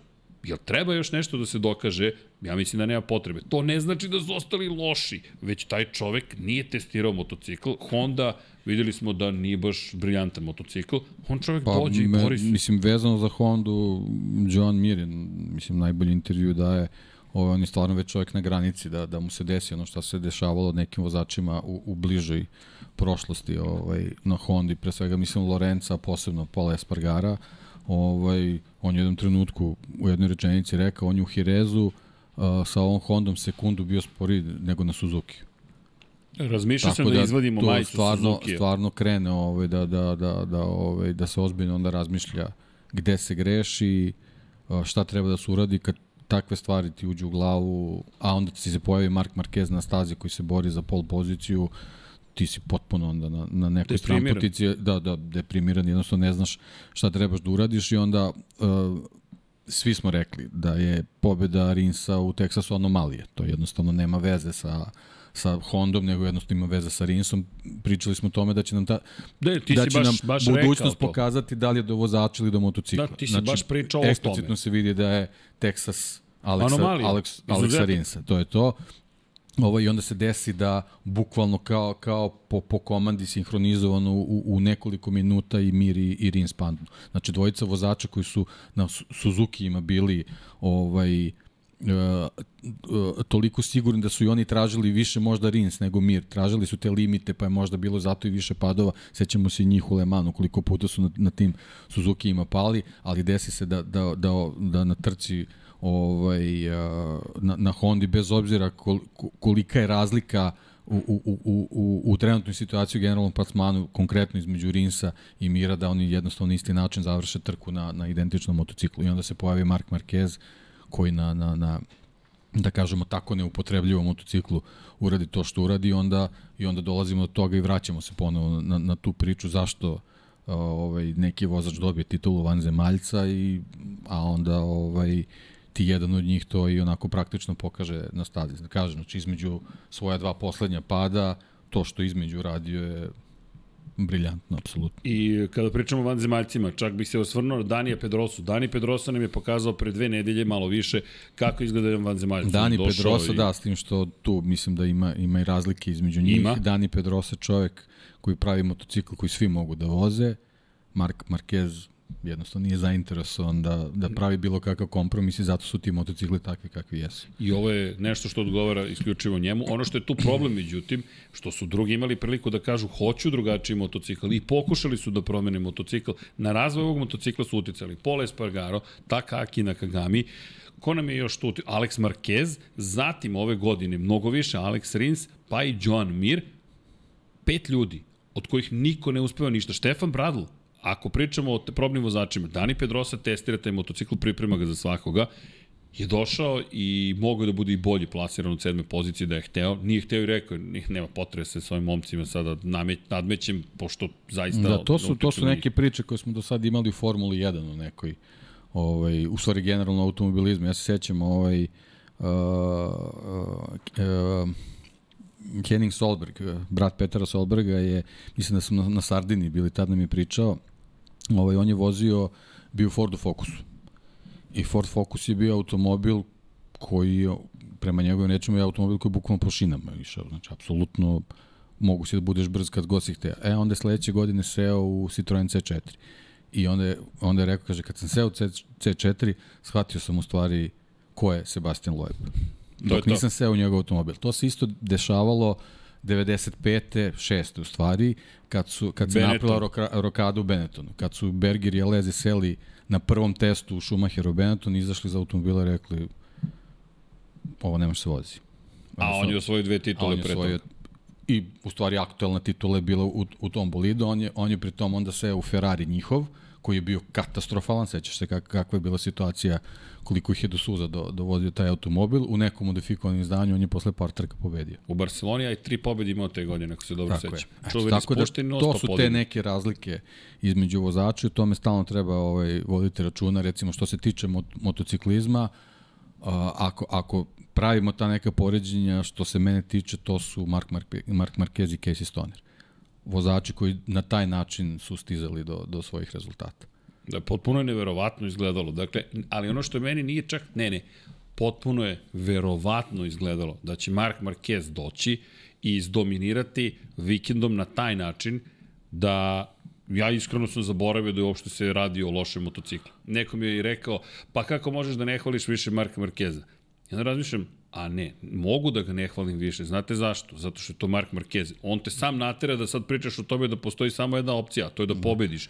I zašto si toliko hvalio Francesca Banjaju kad on ima nadmoćan motocikl i tako dalje? Ne, ne, ne, ne, ne, ne, ne, ne. Dami i gospodo, pobediti Marka Markeza na trotinetu je velika pobeda. Taman vi imali motocikl u svojim rukama. Ljudi, ja se ne šalim, ti ljudi, on, Valentino Rossi, Jorge Lorenzo, čak manje bih rekao Casey Stoner i Dani Podrosa, ovu trojcu bih izdvojio Da je dozvole da ih pobedite, pa oni neće da spavaju. Na bilo čemu, bilo kada. I to ono na čemu insistira Mark Marquez. Kada, i samo da napomenem, sportsko rivalstvo. Sportsko rivalstvo. Dakle, kada su na stazi, na terenu, to je jedno. Evo, pogledajte Netflix, to je super dokumentarac i dalje. Dakle, poslednji ples, Michael Jordan. Michael Jordan je lično shvatio stvari kada su Karlo Melonu dali MVP. Ali to ne znači da je on lično bio protiv Karla Melona. To je sportski lično, ali da se tako izrazim. To je, aha, moje, ja vam nisam dovoljno dobar da dobijem MVP. Sad ćete, ovo shvatam lično. Ovo je za mene. E, to je ista situacija koju smo imali. Meni je sprint bio fascinantan. To ćemo doći. Moda možemo i ovde samo da ubacimo tu priču. Mark Marquez protiv Francesca Banjaje. Jer ono je bio lični do... I rekao, ok, da vidim da li sam ja poludeo. Išao sam po medija centru i pričao sa drugim ljudima koji su stalno na trkama, da li sam loše procenio. Da proverim. Kaže, ne, ovo je lično. Vrlo je jasno. Francesco, moje mišljenje je da zaista Mark Marquez, ako ne fizički ima spisak, i spisak glasi Joan Mir, Fabio Quartararo, Francesco Banjaje. To su ljudi koji su njemu uzeli njegove titule. To ne znači da on u pravu, ja vam samo govorim kako neko posmatra, da li je Jordan u pravu kada smatra da je to lično. Ne znam, ali on sebe tako motivisao. Fabio Quartararo eliminisan, loša je kvalifikacije, nije tu. Joan Mir, Joan Mir mu je puta dva. I ima još jednu osobu koju ima na spisku, to je Alex Rins. Zato što se drznuo da pobedi na Hondi u Teksasu i da neko u Hondi kaže evo testirat će Alex Rins nešto. Molim, budite sigurni kada se sretnu Alex Rins i Mark Marquez na stazi. Ako bude bitke, bit će žestoko. Verujte, bit će žestoko. Ne tražim ničiju povredu, ničiju. Neko me optužio, tražim krv. Šta vam je ljudi? Recimo u Silverstone. O, recimo u Silverstonu. Pazi, pazi, Mark Marquez, i, e, to, to nismo analizirali nikada tu trku, nismo radili podcaste tada, se puši od besa u Silverstonu i smatra da ga Rins uopšte nije pobedio, već da je time što je sišao sa staze u, u idealnom trenutku izgubio prijanjanje koje mu bilo neophodno i da nije sišao na pasicu da ga ne bi pobedio Rins. Ali ljudi, verujte, gnev stoji od onda i ja kažem puta dva još pride pobedio i puta dva Joan Mir, zašto? Zato što mu je klubski kolega. I nemojte misliti da je on loš čovek zbog toga. Pričamo o sportskim rivalcima, to čini Jordana lošim zato što je hteo da ponizi svakog protiv koga igrao. Pa jeste izašli na teren?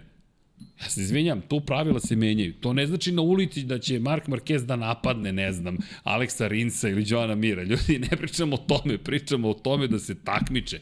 I napao je Banjaju na stazi. Rekao je, čekaj Francesco, ajde da vidiš, ja sam tu. Pri čemu, tu je, a ne bi trebalo da bude tu. Ali mi smo znali da će biti tu, zato što jeste Mark Marquez. I ono što je zastrašujuće jeste izjava njegovog tima, koji je rekao, on sad vozi kao pre povrede.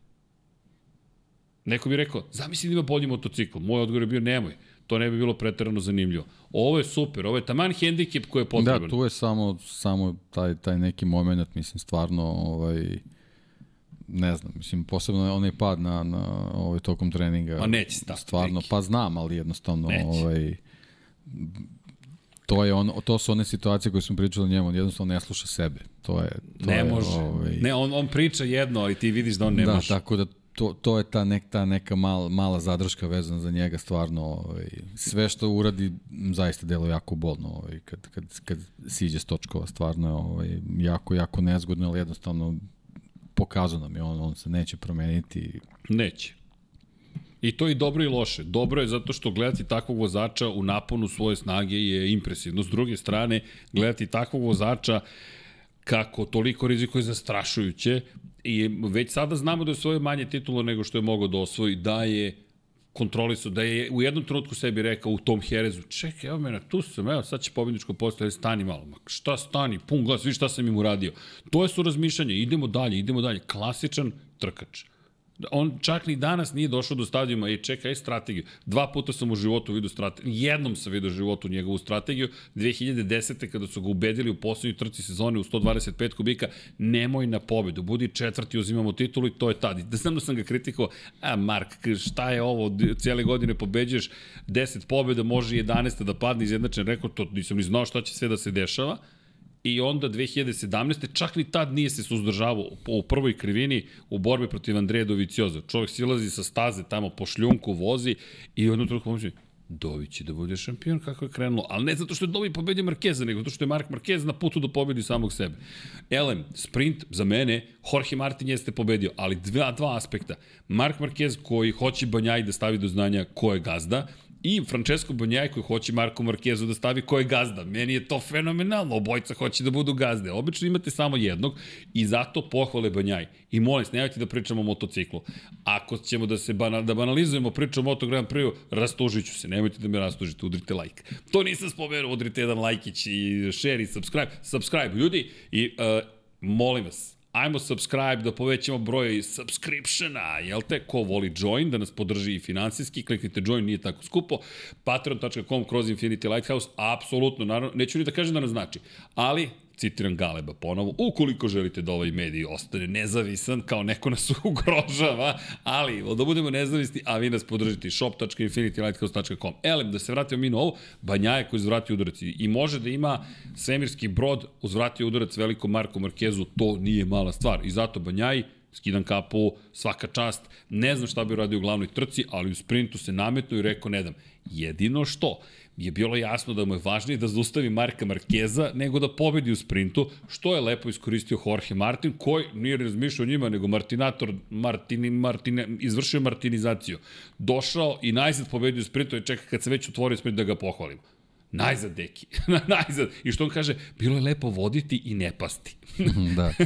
Pa da, to mu je ovako generalno ovaj manjkavost u karijeri, ali više puta je dokazao. Znači, kvalifikac, kvalifikacioni krug, sprint trka, to je, to je njegovo polje koje u principu može da mu ovaj razvije to, to samopouzdanje koje mu je neophodno na, na glavnim trkama da i, da i tamo ovaj, pokaže stvarno koliko je brzo. A definitivno vidimo da i da i taj Ducati ovaj, što se tiče pramaka sasvim lepo funkcioniše. Lepo, lepo radi. Jean Zarko bio treći u glavnoj trci, Francuzi imali svog čoveka na pobedničkom postolju, da, bar Martin nešto, drugi. Da. Pazi, pobed u drugom mestu, lepi poeni za Jorgea Martina. E, i samo još lepi jedna stvar. poeni za pramak. Tako je, tako je. E, to, to ćemo tek da analiziramo šampionat imao, ali jedna stvar, Banjaja Marquez, Honda i tako dalje. Znaš šta mi se spaja sa pričom Boris Trutin koji mi šalje, rekao evo na skuteru ih vraćaju i Boris mi piše Varadero nije skuter. Rekao dobro Boris, u trenutku nisam video šta voze i šalje mi, ej, sad sam shvatio, evo ih obojica na Hondi. Dakle, zapravo Vinjalesa i Banjaju, obojica su došli do Honde. Tako da, pozdrav svima koji voze Varadero, nije skuter, izvinjavam se za to. Obično je neki skuter, ali obojica su Teško da bih izdržao, da. I onaj rep i zadnji kraj, ali eto, Varadero za troje može. Nemojte to da radite, molim vas. Dakle, ali bilo je i to lepo videti. Nekako mi je u duhu tih vremena Formula 1 koje nedostaju, da po tri vozača sednu na bolid zapravo i da se dovezu nazad do garaža. Da li je opasno? Apsolutno je preopasno, ali ljudi, to je deo priče. To su i dalje ljudi koji nisu tek tako se pojavili na toj stazi. Setite se Mensela koji vozi Senu i ne znam koga je još vozio u tom trenutku. Pa dobro, to da je, setim. tad, tad je bilo, ovaj, često se dešavalo da ostaje bez, Bez goriva. goriva. pa da, bilo je, Piquet je vozio trojicu, mislim, Stefana Jeste. Johanssona, Filipa Jeste. Alioa i ne znam ko je bio treći. da seo na pozadnji, je uhvatio se da, da, dvojica da, za airbox. strane, ali 1100 konja. Nije to Nije bio da. problem i kontrolisao je. ne, nije Da. mnogo žurio. Ali to su lepe scene i to još uvijek imamo i malo pre su se, ajde, koškali, šaketali, kako god. Ma ne, to Dakle, je stvarno bilo koškanje. Nije. Čekaj, Mikse, ili imaš nešto iz kengura, da izvu, vas dvojice ste eksperti za kengura. Ako postoje, ne, ne, šta mi je palo na pamet, to morate da mi uradite, kao ličnu uslugu, da uradite podcast o kenguru. Dakle, o kenguru, jer vas dvojica toliko, on mi izvuče neku foru iz kengura, ja ga gledam kao da sam pao s kruške. On mi izvuče, danas smo u magazinu nešto nosili, on fad vadi foru iz kengura, ja ga gledam, šta priča On ovaj misli da čovjek? iz kengura, ko zna, odakle. je.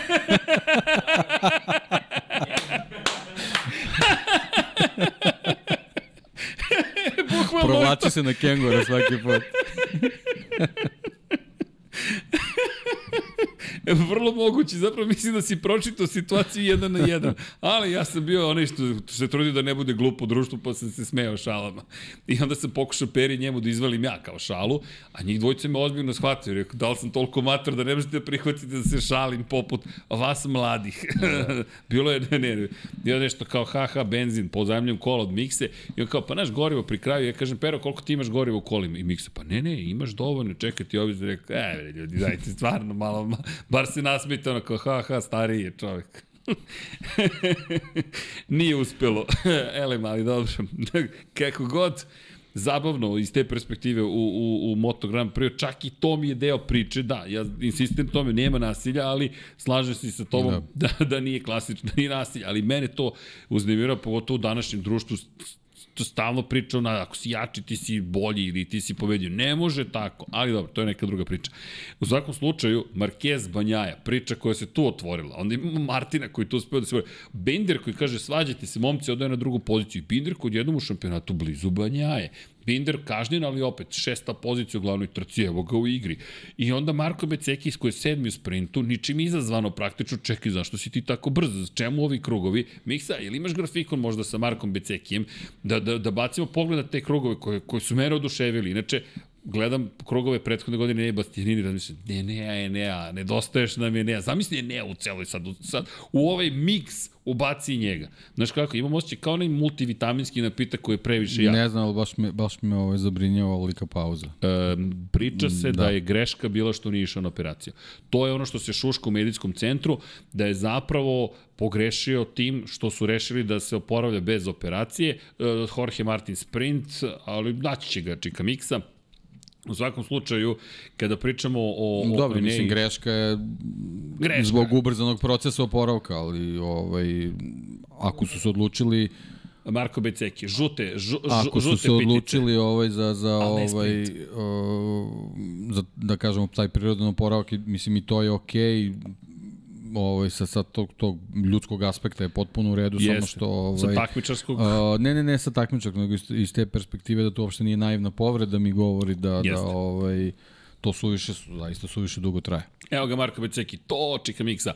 I pogledajte sada od desetog kruga, dakle samo da napomenemo, Marko Beceki, kako ide njegova progresija, Marko je bio šesti pa sedmi, pa šesti pa šesti po krugovima, pa četvrti pa treći, treći, treći, treći, drugi i onda preuzima vodeću poziciju u krugu broj 11. U desetnom vozi taj 1.32.1, pa zatim 32.2, 31.9, 32.0, 31.9, 31.8, 31.9, 31.9, 32.1, 32.2, 32.2, 31.9, 32.2, 32.3, 32.2, 32.1, 32.4 na kraju uz proslavu pobjede 32.8. Teki, ovo nije Marko je napredovao zato što su drugi padali. Ne, Marku se otvorila trka. Otvorila mu se situacija, on je bio potpuno Spreman. ras, rasterećen te, Tako je. tih nekih ovaj, priprema za, za duele do nekog trenutka, posle toga ovaj, svi, sve iza šta se dešavalo radilo je za njega, ali, ali treba biti spreman za tu situaciju ono što je najvažnije iz ovih njegovih ovaj, rezultata vidimo koliko je bitno da, da vozač ostane koncentrisan i fokusiran, da ne spušta tempo, to je u stvari najgora stvar. Ali Deki, znaš, je se sećaš uvoda u sezonu kada smo radili? Pričali smo da od Becekija očekujemo dosta. Nisam znao da ćemo da. ovo videti, ali tu su se oslonili na Simona Krejfera. Ej, Simon Krejfer, moram ljudi da vam kažem, veliki car. Spojio nas je sa ekipom iz Australije, momak koji je zapravo srpskog porekla, koji pravi jedan od najvećih podcasta od, za Moto Grand Prix u Australiji. Povezao nas je, nešto smo krenuli da pričamo i kažem, čekaj, moram da te spojim sada sa Borisom, on, i tako da imamo neke nove drugare, sad ćemo to sve ove nedelje da rešamo, ali Simon Krejfer koji je baš je car i rekao je šta god vam treba, momci, samo, samo recite, nisam vas pratio, tako da eto, pozdrav imate od Simona Krejfera svi, svi su legende, E, nekadašnji vozač koji inače za Becek je rekao u Maleziji, pogledajte krugove Marka Beceke, već smo ih bili videli, ali kada Krejfer koji je vozio 500 kaže pogledaj nešto, pogledaj nešto. I gledaš i vidiš stare gume, on je brz, nove gume, on je brz i to smo videli u ovoj trci. I rekao je, čak nije ni on očekivao baš 31, 9, 8, ali s lakoćom sam postizao te krugove. Čuo je pritisak. Da, da, da, da. da. Ne ali smeš da Ne usporiš. smeš da usporiš, bukvalno, deki. Ali to jeste istina zapravo, zato što ako uspori, pada pritisak u gumama, one se šire i postaje to problematična situacija, potrošnja raste i tako dalje i tako dalje. Ali, ali, ali je super bilo gledati tu celu priču o zapravo Marku Becekiju na, na, na jedan novi način. I ono što je bitno, ovo je pobjeda po suvom, Pobedio je po kiši, ali pobjeda po suvom, pobjeda po suvom, to je jedna potpuno druga priča. Tako da, Marko Beceki, samo da skinem još jednom kapu, svaka čast za ovo što je uradio, ali koliko lepih priča, šta se sve tu uklapa i kada pogledaš stanje u šampionatu, pazi, Beceki 93 poena, poen manje od Banjaje, Binder 81 poen, Jorge Martin 80, Pazi, on je četvrti u šampionatu, on je uz Breda Bindera sad posle ove trke, zatim Joan Zarko, Pa jako bitni ovaj plasmani Pramakovac, ajde da izokružimo s njima, Da, da, da, da, njima sad u principu kao što je prošle godine Gresini nekako ispada u prvi plan sad ovaj sa Munijem i nekako ovaj potencijalom da budu još popularniji nego što je to bio Gresini prošle godine ovaj Pramokovci ovaj zaista imaju potrebu da da im vozači budu stalno u vrhu da bi jednostavno se vratili u tu neku žižu gde su bili recimo kad su Miller i Banjaje vozili vozili za njih ovaj, iz prostog razloga što su više tamo Ducatija i ti generalno iz sportsko-poslovnih razloga moraš, moraš stalno da budeš u vrhu. I ako im je nešto potrebno bilo, to je, to je ovaj rezultat u Le Manu. U Lemanu, šta smo još imali priliku da vidimo? Upravo da bi bitka mogla, to što si lepo rekao, da bude između prijatnih timova za vrh u šampionatu timova. Ne sada samo jedan da se izdvaja, već sada Muniver 46, 147 poena, Pramak, prima Pramak Ducati 146, poen razlike u šampionatu timova, pri čemu odjednom taj šampionat postaje baš bitan zapravo. Red Bull KTM Factory Racing 130 poena, to je trenutno najuzbiljniji, najbolji fabrički tim. Da, Be Beš Beštino odsustvo, Bastianinovo odsustvo u Ducatiju zapravo i stvara problem, 104 boda, fabrička Aprilia 91, Monster Energy Yamaha, šesta pozicija, fabrički tim, koji je inače osvojio poene u svim trkama. Oba vozača su osvojila poene u svim trkama. Pohvale iz te perspektive i Quartararo i Morbideliju, 89 poena. Lučić Ko je Kinelo treći Racing, vozač koji je osvajao sve, sve bodove? treći vozač koji je osvajao bodove. Samo tri vozača su osvajali bodove u svim trkama. U, če, Zarko? Augusto Fernandez. Augusto Fernandez, tačno. A još sam spominjao to tokom prenosa. Bravo, da zna, trebalo je da znam, to je to. Ili je Enea ili je Augusto. Gospodin Enea Fernandez. Augusto Bastianini. da. ne, ne, ali ti kako si ih tipovao lepo. Deki, slušajte Deki, ako slušate Simona Krejfera, još više slušajte gospodina Potkonjaka. Ovako baci oko tamo negde u Moto2 i kaže, Srki, Enea Bastianini, čemu pričaš Deki, znam, volim Eneu, ali ne, 2020. Deki kaže, That's the one, the chosen one. Prošle, ne prošle, pa kad si pričao Augusto Fernandezu, 2021. Inače, samo da znaš, ne znaš, već tri godine radimo podcast. Jel tako? Tri godine, neki. Pa da, to je 100, 100 godišnje, ili tako? 100 godina. Pa da, Evo. 52 nedelje puta 2, to ti je to. Pa da, Po neki preskočiš i to ali pogledaj, Augusto Fernandez, 30, i- dakle, od sedmog kruga, 32, 5, 2, 1, 2, 3, 2, 2, 2, 3, da ponovimo, 2, 4, 2, 7, 2, 3, 2, 6, 2, 1, 2, 3, 2, 3, 2, 2, 2, 4, 2, 2, 2, 2, 2, 4, izvinjam se, 2, 4, 2, 5, 2, 3, 2, 6, 2, 5. Da, realno daleko od Becekijog tempa, ali, ali je konstantan, to je ono što je, što je njemu jako bitno. Jeste, ali ovo mu je peta trka u životu u Da, Moto da, Grand da, Prix da, klasi, na apsolutno. KTM-u.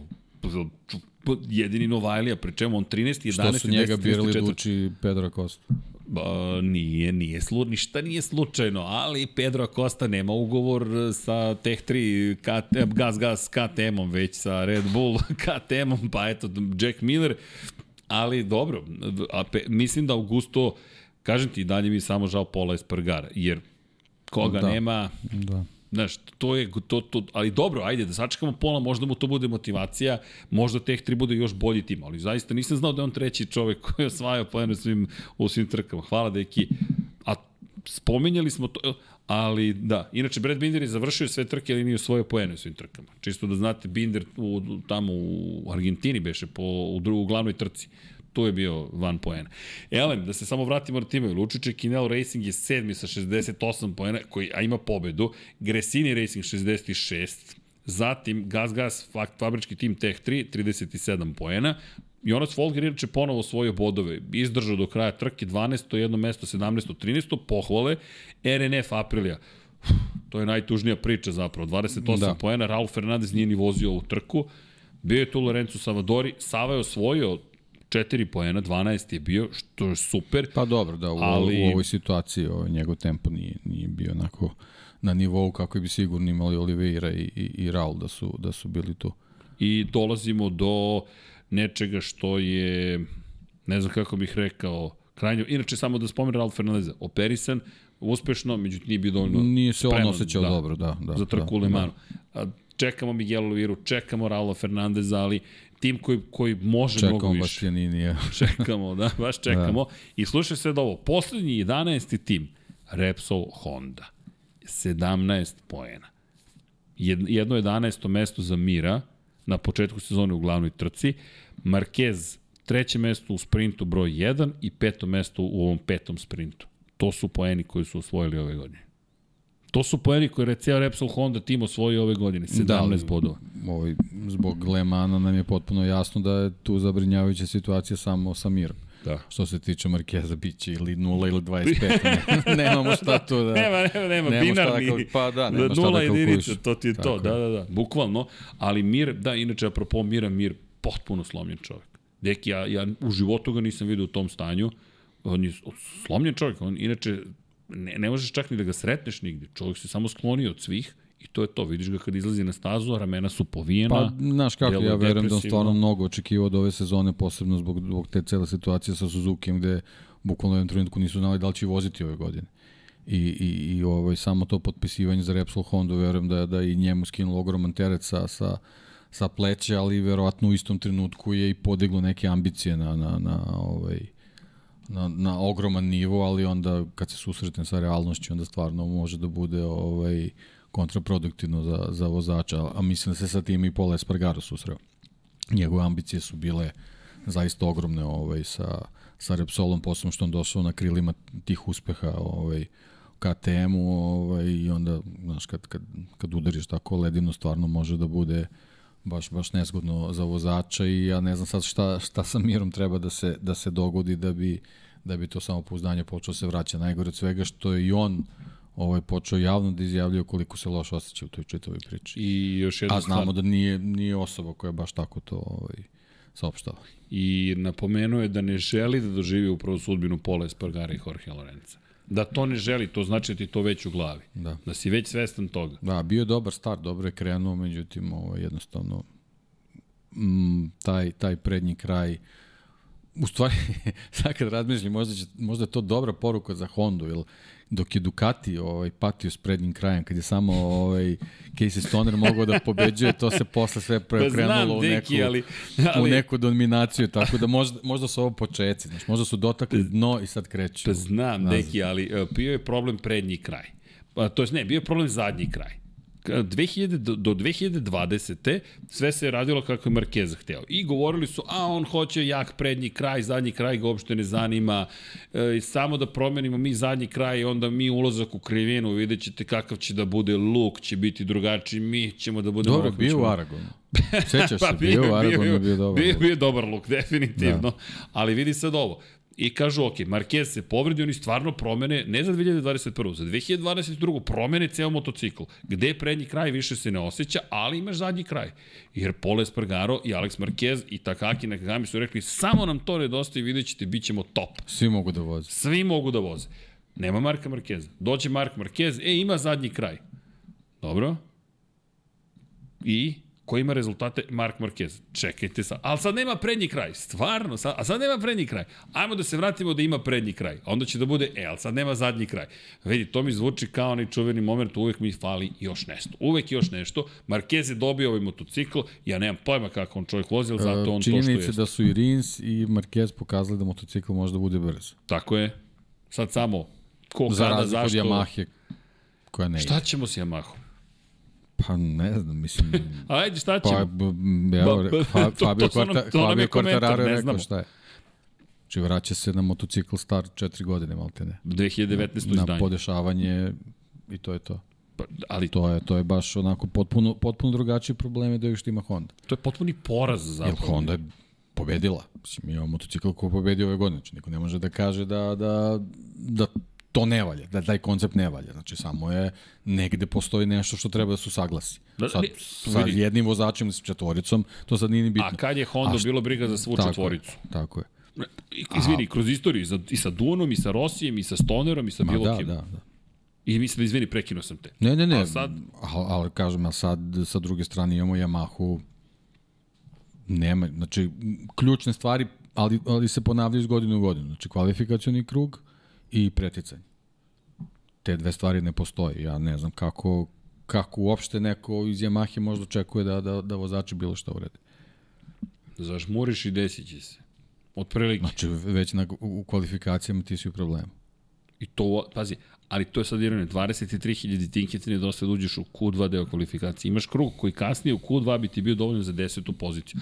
Jer to sam počeo da pratim, iskreno. Sada gledam, aha, u Q1 ne prolaziš, a imaš bolje vreme od velikog broja vozača u Q2 delu kvalifikacije. Ali nisi u prva dva treninga uradio dovoljno. Tako je. I ti dolaziš onda do toga zapravo da ti u petak moraš da, da uradiš mnogo bolji posao. Već je u petak. Inače, Beceki je rekao da u petak ura- urađen ozbiljan posao. Pohvali, izvini, za, za Muniver 46 iz te ekipe. To je tim koji je mnogo napredovao. Ti stalno govoriš o tome, objašnjavaš koliko je tim važan. Sada, uz ovaj fokus, nema Moto2, nema Moto3.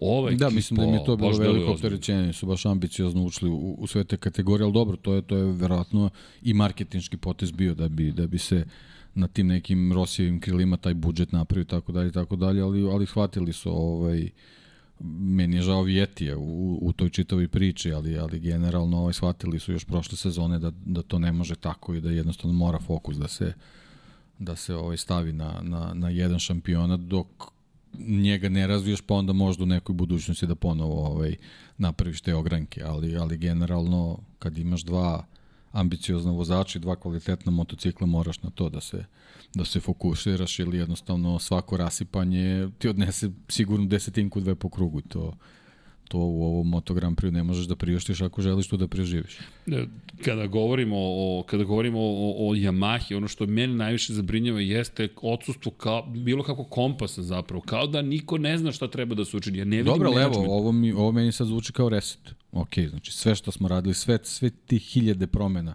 koje smo napravili, ništa ne valja, mi dobijamo feedback praktično kako smo dobijali pre četiri godine. Ništa, ajde, ajde da se vratimo na tu 2019. Ako su tako rekli, čini mi se da su tako rekli, i ajmo, ajmo sad iz početka. Znači, ako ovo apsolutno ništa ne donosi, zašto onda da gubimo vreme? Ajde da vidimo tamo negde gde, gde, gde smo već bili, gde, gde, gde je nešto funkcionisalo, da vidimo gde smo. E sad jedini problem je što, što svi ostali su se mnogo ubrzali, tako da ta 2019. Ovaj, je, je već ono prošli vek maltene za, za Moto Grand Prix, tako da ovaj, dok se sad tu neke stvari usaglase, proći će opet nekoliko trka i sve će biti mnogo, mnogo, mnogo ovaj, e, dalje. Ono što je pozitivnije u toj negativnoj priči je što je Franco Morbidelli sve bliži kvartararu. I mislim da je to jako važno za, za Yamahu da dobije što, što približnije rezultate dvojice kvalitetnih vozača da bi, da bi sa poređenjem ovaj, tih, tih rezultata dobili neki feedback ovaj, gde, gde bi se ja pre svega fokusirao na neke stvari koje kod obojice pokazuju neku, neku istu sliku, pa da, da se odatle krene da, da, da se formira ta neka nova priča kada pričamo o 2019. to je period pre velikog broja noviteta, dakle sistema za spuštanje prednjeg, zadnjeg kraja. Zadnjeg kraja tokom trke, aerodinamika je bila mnogo jednostavnija. Mi pričamo o Fabio Quartararu koji u tom momentu zapravo tek ušao u šampionat sveta. Fabio je tada, 2019. vozio prvu svoju sezonu u šampionatu. Vozio je motocikl star jednu sezonu i vozio je motocikl koji je imao 500 manje obrtaja motora nego je ne konkurenti, korisnici Yamahe. Pošto je bio Novajlija, rečeno mu je nije za tebe puna snaga Dobro, motocikla. ja mislim da on pričao o, o motociklu proizvedenom 2019. ne o svojoj 19. Ne, ne, sezoni. ali samo hoću da kažem da, da. te godine on pa čak on je još uveo, nije ni seo pa na on taj je uveo motocikl. modu ubacivanja ovaj, privatnika u međufabričke Tako je, ovaj, i to vozače. hoću ti kažem, da, da. to je ta sezona, a u tom momentu on pobeđuje vozače poput Valentina Rosija, Maverika Vinjalesa i klubskog kolege Franka Morbidelija na modelima iz 2019. I on dobija naredne godine 2019. Pravi problem Markezu. Tako je, Marquez koji ga napada u Maleziji u kvalifikacijama, Marquez koji pada tada i u malo nije polomio ruke u Maleziji u pokušaju da izvrši pritisak nad kvartararom. Čuvena trka na Tajlandu kada Marquez osvaja svoju osmu titulu, čuvena kugla bilijerska i tako dalje. Sad se nežuju kako su dobru trku odvezli i Marquez koji ga pobeđuje u poslednjoj krivini poslednjeg kruga. A videli smo da protiv Dovicioza imao probleme u tim situacijama i sad rešava kvartarara na taj način i mi se nadamo novom rivalstvu. Dolazi 2020. M paka od godine COVID-19, M Quartararo počinje sezonu dvema pobedama na novom modelu u bojama Petronasa i sad se vraća na taj model s kojim nije osvojio titulu, ali s kojim je imao taj osjećaj. Neverovatna priča u ovom trenutku. Ništa, kajde pratit ćemo da vidimo ovaj, Priča. da, li, da li je to u stvari eto, Pri čemu? neki dobar postupak. Izvini, ne može čak ni da se vrati na taj model. Zašto? Zato što taj model ne možete da primenite. Motor ste homo, izvrstili ste homologaciju motora za ovu godinu, koji je drugačiji, ali vi morate nešto da uradite. Znate ko je poslednji ko vozač kog se ja sećam u Yamahi da je uzeo motocikl iz prethodne sezone i pokušao da reši svoje probleme. Evo imate u knjizi Valentino Rossi sve njegove trke. 2006. godine su tražili motore iz 2005. koji su već postali zapravo motori, egzibicioni motori, motocikli, I šta se događa? Na primjer, kada vidite Red Bull, na primjer, neku verziju ili motocikl na nekom uh, sajmu ili nekom događaju, to su motocikli koji su zastareli i prodati su ili iznajmljeni nekoj kompaniji koja, odr, koja zatim ne organizuje to racing team, osim Red Bull Show Run, ali to je nešto drugo, ne organizuje trkački tim to, ne, Yamaha se time ne bavi, već neka kompanija je kuzela da to koristi u promotivne svrhe. Šta su uradili u Rosijevoj ekipi? Oni su jurili te ramove egzibicione i vratili ih nazad u garažu i baš u Le Manu su uzeli i sekli komade, bukvalno ram su sređivali, ne bili došli od toga da stvori hibrid 2005-2006. E sad smo tu 20 godina skoro kasnije. Pa Ajde dobro, da vidimo. ja koliko se sećam, sad ne mogu, ne mogu napamet, ne znam koja godina je bila. I Marquez se jedne godine vratio na, na, na stari motocikl. Uh, 2000... Nije tako davno bilo, 15. da. Tako nešto, 2015. da. da. sećam se zato što je to bio loš početak sezona, ili ne, 2016. 16. Zato što su 2015. su problem bili padovi, incidenti, a 2016. su zapravo započeli godinu sa lošim rezultatima, međutim Rossi i Lorenzo su se svađali u Yamahi, ko šta, kako, kome, koliko i umeđu vremenu Marquez nije, nisu mu pobegli dovoljno, kaže idemo na staru verziju i stvorio je hibrid, uzeo je motor iz 2016. i primenio na RAM iz 2015. Da, tako da, eto, bilo je u prošlosti tih ovaj, recepata, pa ajde da pratimo da vidimo da, da li će nešto promeni kod Yamaha. Ne, ne, ne, ne znam šta mu drugo ostaje. Sve su probali, ništa ne funkcioniše, pa eto, ajde, hajde bar ta setovanja iz 2019. da, da, da kažemo da ih resetuju na nulu pa da krenu od početka. Ali bukvalno kreće od početka. E, tužno Malte je bilo... u sred sezone. U sred sezone, ali pogotovo što se to dešava u Le Manu. Koliko ljudi je došlo da podrži upravo Fabio Quartarari, da kaže Fabio, uz tebe smo, ljudi, to je haos, deki, to je potpuni haos bio za Fabija. Fabio koji se trudi da nabaci nasmeno lice, nosi naočare za sunce, ne, jeste rekao sam ponovo izgubio naočare za sunce, ostale su još jedne u avionu, tako da, uživajte. E, ali ovi su sa kuticom Infinity Lighthouse naranđaste, tako da kogod da ima Infinity Lighthouse ili pošteno vratite i dobit ćete jedan like za to širenje ljubavi i pozitive ili uživajte u njima. Sad te neće vratiti sigurno. Enchante. Ali, činjenica je eto da se trudio zaista da bude nasmejan, raspoložen, potpisuje se, ima sve praktično. Vidiš čoveka koji mi nije ni do čega kamoli da bude u centru javnosti i u, pažnji, u centru pažnje javnosti, ali ajde, idemo u Mugello, nije baš da Yamaha tamo može da se možda nada najvećim uspesima, ali nemojte zaboraviti koliko su brze krivine u Mugello. Tako da, Fabio može da iznenadi, ne samo Fabio, već i Kvartararo, već i da Diđan Antonio, to je druga priča. Dakle, kada pričamo o Kvartararu, kao što si rekao, praktično u sred sezone, ajmo ljudi iz početka. Pri čemu ugovor ističe sledeće godine, tako da ovo je, nema šta, morate da se držite zajedno. To je, ne vidim bolju preporuku, uslovno rečeno, ali lepo si rekao, Morbidelli je sve bliži i bliži Kvartararu. E sad, da li je Morbidelli bliži Kvartararu ili Kvartararo bliži Morbidelliju? Ne, mislim, mislim da, da ovaj, Frenki malo, Počinje. malo se vraća da, u neki, neki svoj ritam. Dobro. Tako mi deluje. Dobro, ali ajmo da se nadamo nekom optimizmu za, za tri i po nedelje u Muđelu. Kada pričamo o, o, o ostalima, ne smemo da zaboravimo ni, ha, neki, mm. drugog vozača u celoj priči Aprilije, Aleš Espargaru. Aleš, kao da više nije zvezda Aprilije. Imam taj utisak, sve više pričamo o Maveriku Vinjalesu. Pa to je nešto kao kod Jacka Millera situacija, to sedište je prilično traženo. Znaš, nije loše, to peti peti, ali to nije dovoljno pa da, ne, da, da nije, budeš prvo što nije na nivou prošlogodišnjih rezultata, apetiti posle onoga, sam si kriv. Da, Znaš, kad podigneš budžet, pa ovaj, ako ga ne potrošiš, sledeće godine neće dobiti. Znaš, tako da ovaj, sam je kriv što, što je pod navodnicima April je bila tako dobra prošle godine i naravno sad svi kad gledaju njega, gledaju kroz, kroz te rezultate iz 22. Tako da ovaj, nije, nije jednostavna situacija, posebno što što ovaj o, motocikl sa, sa Maverickom u kombinaciji mnogo bolje funkcioniše i ono što sam primetio, nismo se dopisivali, ovaj, pa zaboravio sam ti kažem, čisto da vidiš o čemu se radi, ovaj, primetio sam da je Maverick vozio verziju koja imala stabilizator na repu, Aleš Spominjao nije. sam, da, da, ali nisam primetio da, Aleš Espargaro da, da ga nije koristio. Da. da, to je zanimljivo. Tako Hvala da, eto, to su sad već te neke Te razlike između vozača. Znaš, sad već, već se nešto testira, proba, ovaj, i očigledno da, da Aleš više nije taj koji dobija te inovacije, tako da vidjet ćemo. Uh, apropo Aleša, dakle kada govorimo o kada govorimo o, o njemu samom, žrtva svog uspeha, kao što kažeš. Problem je u tome što vreme leti bukvalno. I ti sada već si na petoj trci pa, sezone. Pa dobro, znaš kako. I to, i najstariji si vozač na gridu. Mislim, milion nekih stvari koje, da kažemo, ne idu tebi u prilog, ali mislim da on ima neku svoju filozofiju, da, da njega to nešto pretrano ne opterećuje, samo ti rezultati nisu, nisu takvi kakvi bi trebali da budu i olakšavajući okolnost za, za obojicu, po mom mišljenju što, što Miguel Oliveira ima tako lošu sreću kako ima ove sezone, mislim da bi on sa prošlogodišnjom Aprilijom ozbiljno, ozbiljnu ulogu igrao, igrao u šampionatu, što nikako ovaj, na ruku ne bi išlo njima dvojici.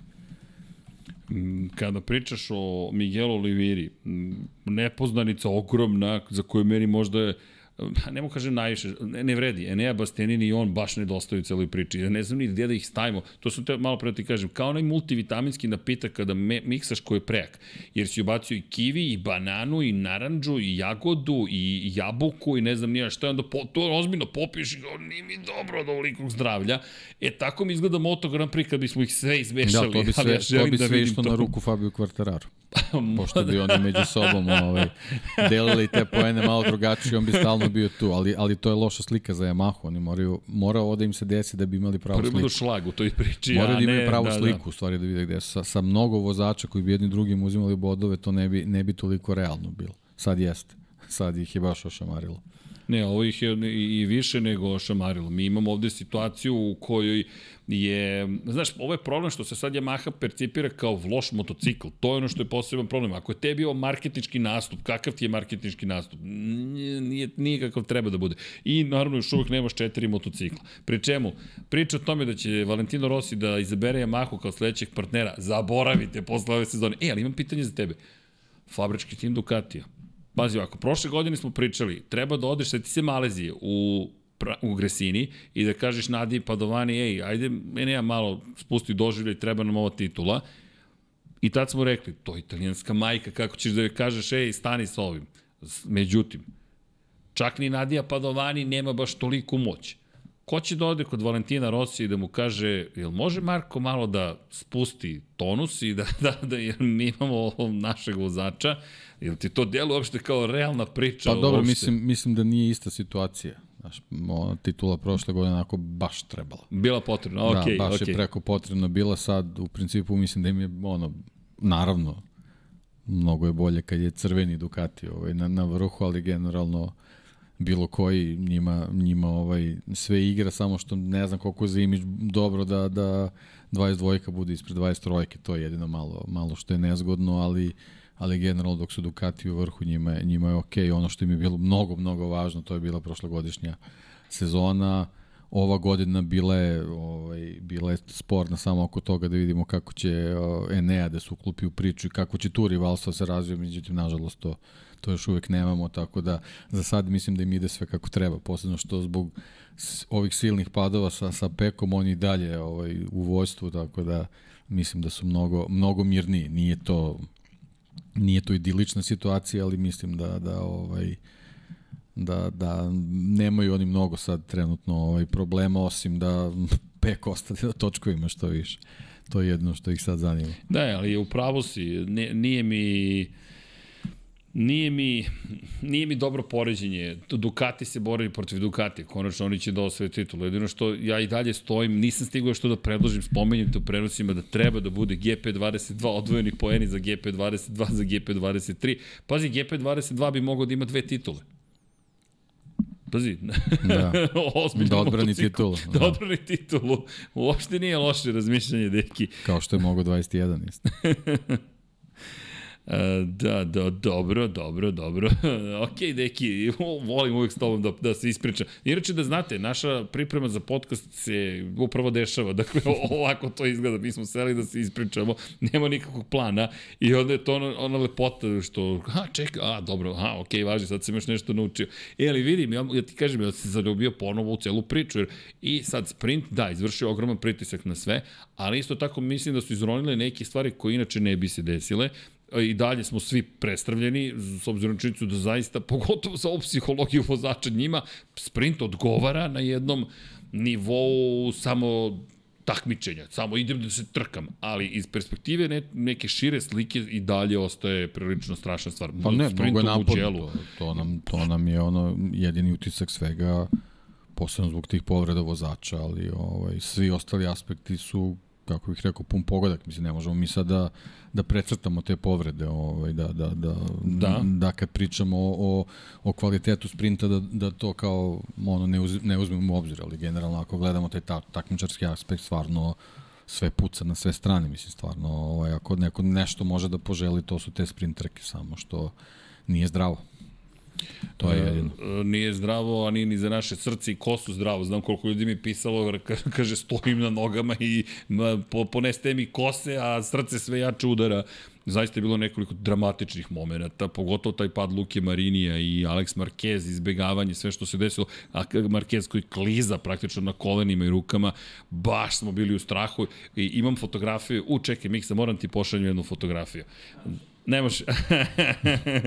Ali fotografija koja zapravo je sa staze, bukvalno, e, u momentu kada čekaj, sad mi se sve ovde popalilo, veruj ubacit ovom kompjuteru, ovo, Ne morate, ono. nije live. ne, a, a, nećemo stići. Znaš da je mnogo teže sada kad je premijera, dok se izrenderuje ponovo cela priča. Došli smo do stadijuma kad je lakše da uradimo live. Jel tako? Kupite jači komp. E, evo, evo, evo poruka Čikadekija je kupite jači, ma nema, nema, ne. To je to, dakle, evo, šaljem ti na, izvinite Čika, potkonjak, samo da, da ubacim, Samo izvolite. samo da ubacim u Lab 76, evo, šaljem fotografiju, pa ako možete da je prikažete, ovo je autentična fotografija sa staze u sred trke, dakle, u tom momentu se dešavala trka. Dakle, govorimo o kad se ubaci, da vidite kako je to izgledalo.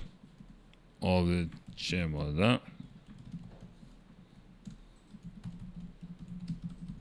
Ajde, stići ćemo, stići ćemo to, miksa.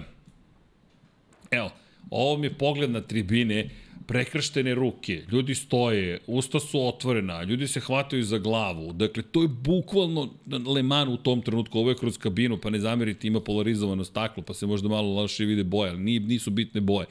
Dakle, I, I to su incidenti su već prošli, mi se vozimo, znamo da su bezbedni, ljudi su u stanju šoka, u jednom trenutku se e, Le Mans učutao zapravo i shvatiš da ok, ovo je baš dramatično. A pride smo imali u Moto dvojkama onaj incident u kojem lete vozači na sve strane, nema crvene zastave do poslednjeg trenutka, malo su me tu više iznervirali, ali doći ćemo i do Moto dvojke. Elem, što se tiče Moto Grand Prix-a, dakle, ka, što se tiče Moto Grand Prix-a, deki, mi dobijamo jednu kompleksnu, zanimljivu, ali lepu sezonu. Meni je ovo lepa sezona. Dakle, ima toliko lepih priča. Privatnici su tu, fabrike su tu, KTM je odjednom izbio u prvi plan, Aprilia i Vinjale sve bolji i bolji, sprintovi donose neprevaziđen adrenalin. Mark Marquez se vratio, eto, deluje kao da je ponovo onaj stari Mark Marquez. Honda, ne funkcioniše, ali funkcioniše. Yamaha traži neki svoju priču, neki svoj put. Ne znamo ko će biti šampion. Sve je potpuno otvoreno.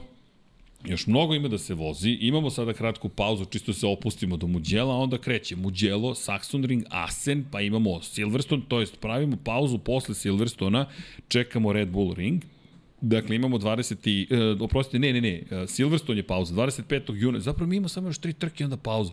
Još jedna. Wow! I onda idemo Britanija, Austrija, Katalonija, San Marino, Indija, Japan, Indonezija, Australija, Tajland, Malezija, Katar i dolazimo u Valenciju. I još Katar ti dolazi kao predposlednja trka sezone. A tamo je uvek ludo, tamo niko ne zna ko će šta će se desiti.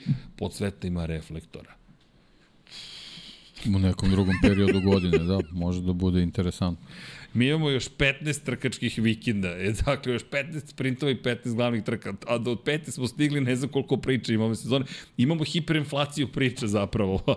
to, to, to može biti problem. Ali mi ćemo u duhu Infinity Lighthouse Lab 76 reći to je izazov za nas da mi još bolje analiziramo neke stvari. Vidi, 100% sam nešto promašio, samo ne znam šta sam zaboravio da spomenem. Zarko. Ajde da pohvalimo Zarka, čekaj strpljivo, polako, jedno, drugo, treće, četvrto, peto, otvorila se situacija. Zarko je rekao, što se tiče Marka Markeza, srećom izleteo čovek sa staze. Inače, ja zaista ne vidim ništa problematično. Ok, nisu osvojeni pojeni, ali Marquez je odvezao svoj prvi test. To je moje mišljenje. Ovo je bio prvi test. Nisam imao test u Herezu, evo sad sam odradio test, sad znam kako mi se ponašaju gume, kao salata kopu su izgledale i prednja i zadnja guma, ali čovek, i videlo se već da zadnja guma ne postoji koliko je plesao zadnji kraj, je išao do kraja i rekao, preširoko sam previše sam pokušao da skrenem na agresivno, to je bio njegov komentar. Zarko nasledio treću poziciju i rekao, pokušao sam malo da izvršim pritisak na klubskim kolegom, ali nisam uspeo. I, I lepo je bilo vidjeti Francuze na pobedničkom postolju. Pa dobro, to im je, to im je trebalo, mislim, eto, čisto kao neka i zahvalnost publici, ja kažem, iz te perspektive pramaka, ovo jako im je važno da, da, da osvajaju što više bodova, da budu u tom nekom fokusu zbog, zbog cele te priče sa, sa ostalim ekipama koje, koje voze Ducati, jer jednostavno pramak je uvek slovio kao, kao prvi rezervni fabrički tim Ducatija, ovaj, sad to, eto, postoji mogućnost možda da, da se to u nekoj budućnosti promeni, a ne, ne verujem da bi to i oni želeli, tako da je jako važno da, da, da drže taj rating sa, sa dobrim rezultatima, da u slučaju kad ovaj, dođe do, do, do promene ovih vozača, da, da, da mogu ponovo da ih zamene s nekim kvalitetnim, tako da ovaj, sve u svemu kažem, mislim da je ovaj, vrlo, vrlo pozitivan vikend bio na Le Manu, eto što se Zarka tiče njemu, ono samo šlag na tortu, što, što eto, pred svojom publikom bio taj koji je donio tu francusku zastavu na podijuma, znamo koliko njima, njima to znači, eto, bio si tamo pa si video, mislim, taj, ta, ta, to celo okruženje oko staze, to je jedan, jedan, jedan grad u malom koji, koji ono potpuno poludio živi kad, kad dođe taj neki trkački vikend i ovaj, verujem da, da zbog cele te tradicije i njima mnogo znači kad se pre, pred svojom publikom ovaj, nađu, nađu na podijumu, tako da možda će to njemu doneti neku, neko, neku dodatnu inspiraciju da u ne, nekom sledećem delu sezone, to već kako si, kako si nabrao do, do, do Silverstona ovaj, i, on, i on možda, možda pruži neko, neko bolje izdanje sa malo više rizika u smislu borbe za, za, za sam vrh, pa eto, možda, možda i od njega vidimo nešto što, što tako dugo očekujemo, a ja neću da izgovorim. da ne bi boksuzirao, da.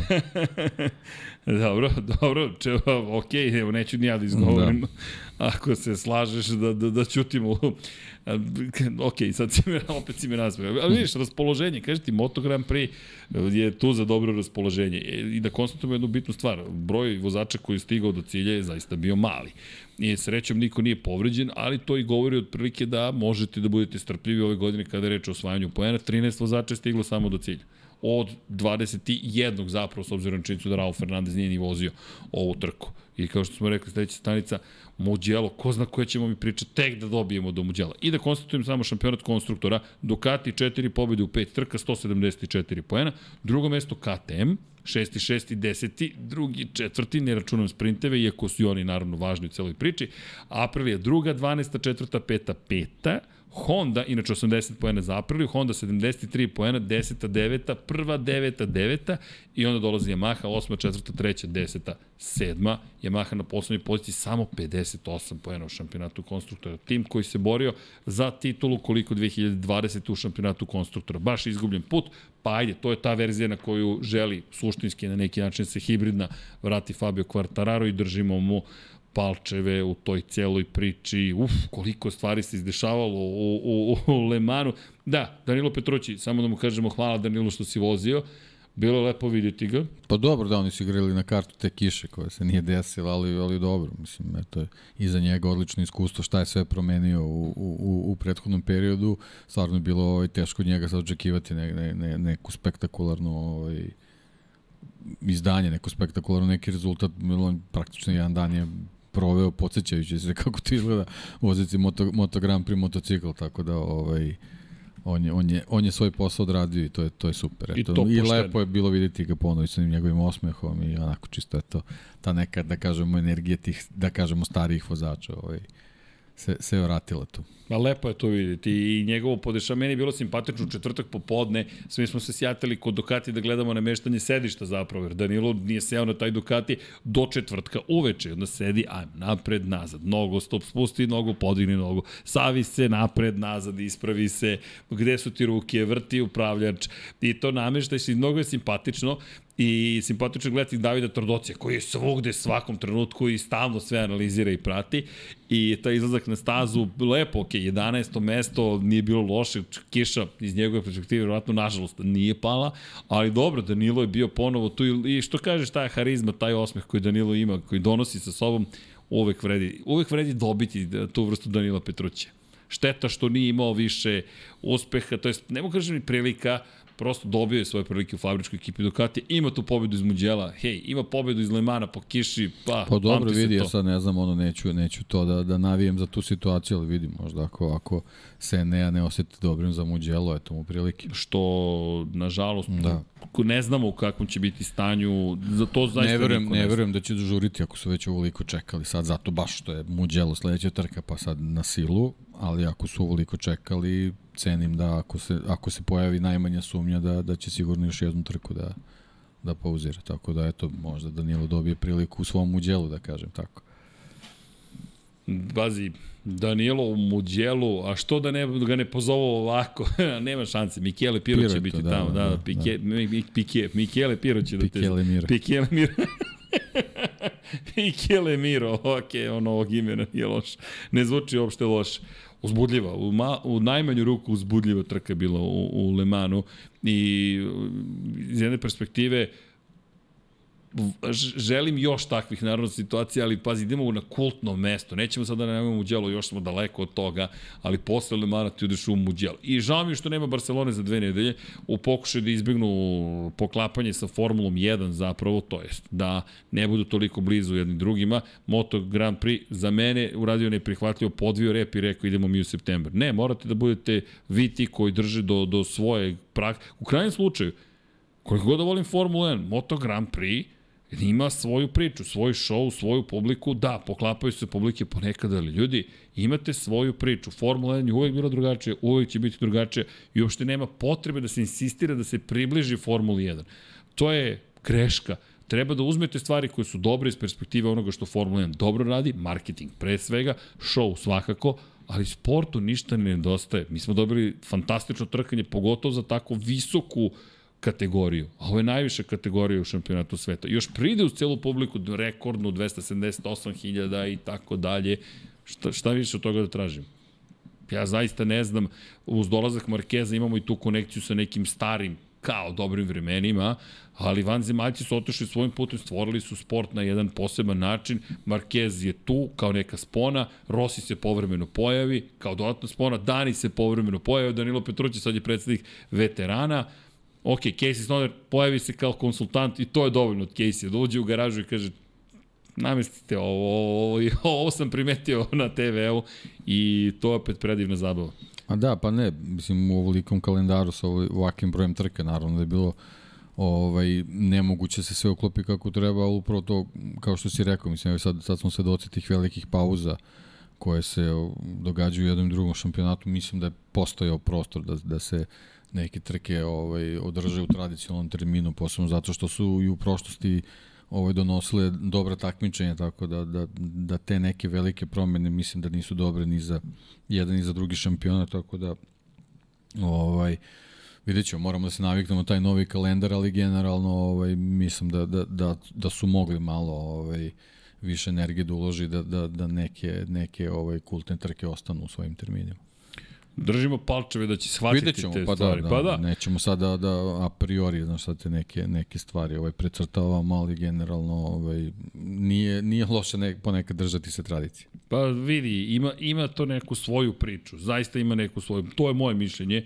Naravno, ne, ne, eto, bio sam skeptik po pitanju sprinta, ali rekao, ok, ovo je ljudi stvar koja u velikoj meri zaista menja stvari, Pa hajde, vidjet ćemo na kraju sezone kako ćemo kad podvučemo crtu za 2023. š- kakav nam je konačni utisak. Dobro, ali za nas velika nagrada francuske Moto Grand Prix, to je kraljevske kategorije i tu smo tek počeli, šalim se, nismo tek počeli, ne brinite, nemamo toliko priče za Moto dvojke, Moto trojke i Moto E, a, pa i za malo, do nekle za Red Bull kup Novalija, ali velika stvar se desila u Moto 2 kategoriji, Toni Arbolino je pobedio, što nije neočekivano, međutim Pedro Costa je izleteo u direktnom duelu u skraćenoj trci, dobili smo skraćenu trku, s obzirom na činjenicu smo imali vrlo ružan pad, samo 14 krugova je voženo na kraju, vrlo, vrlo ružan pad koji je doveo do toga da Aron Kane ostane pokraj staze, da, da Manuel Gonzalez takođe leti, Albert Arenas takođe i uprkos tome što su njih trojice zajedno sa medicinskim osobljem, redarima, motociklima, pokraj staze, mi čekamo bukvalno da se približe toj krivini vozači da kažemo i crvene zastave.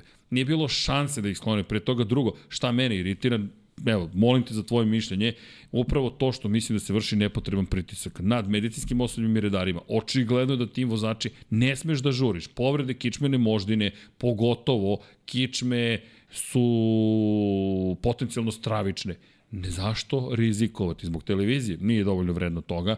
Dakle, ako vidimo već, a videli smo stravične padove, ajmo da zaustavimo trku, spustimo tempo i kažemo ček da vidimo kakve se stvari dešavaju. Pri čemu, ok, razumim, čeka se do poslednjeg trenutka, ne mora baš bukvalno do poslednjeg trenutka da se čeka, pogotovo što vidimo da niko nije ni krenuo da izlači vozače iz zapravo prašine, krug kasnije. Tako da malo samo oborimo tempo i sve će biti ok. Pa da, u celoj ovoj situaciji sa razvojem Moto Grand Prix-a i tih pratećih trka oko njega, ovaj, najvažniji korak koji treba čitav organizaciju da uradi je da, da, da poboljša ovaj, te reakcije vezane za, za bezbednost vozača. Kao, kao što si rekao, mislim, sam, sama slika ovaj, koju smo dobili u trenutku pada je, je ovaj, stavila do znanja da, da ne postoji šansa da neko za minut i po reši ovaj, čitavu situaciju i stvarno ne vidim uh, ne vidim razlog zašto, zašto se u organizaciji Moto Grand Prix toliko stide crvene zastave.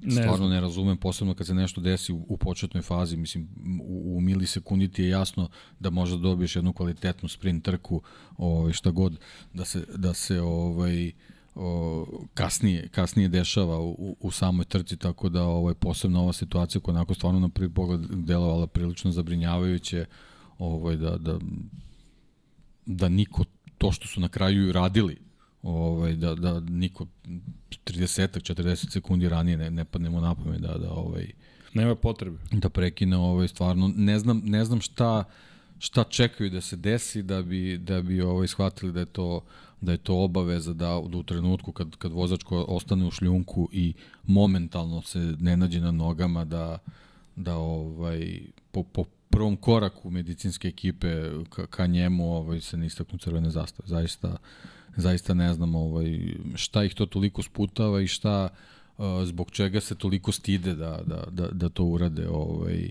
i da uvedu kao, kao, kao obaveznu meru.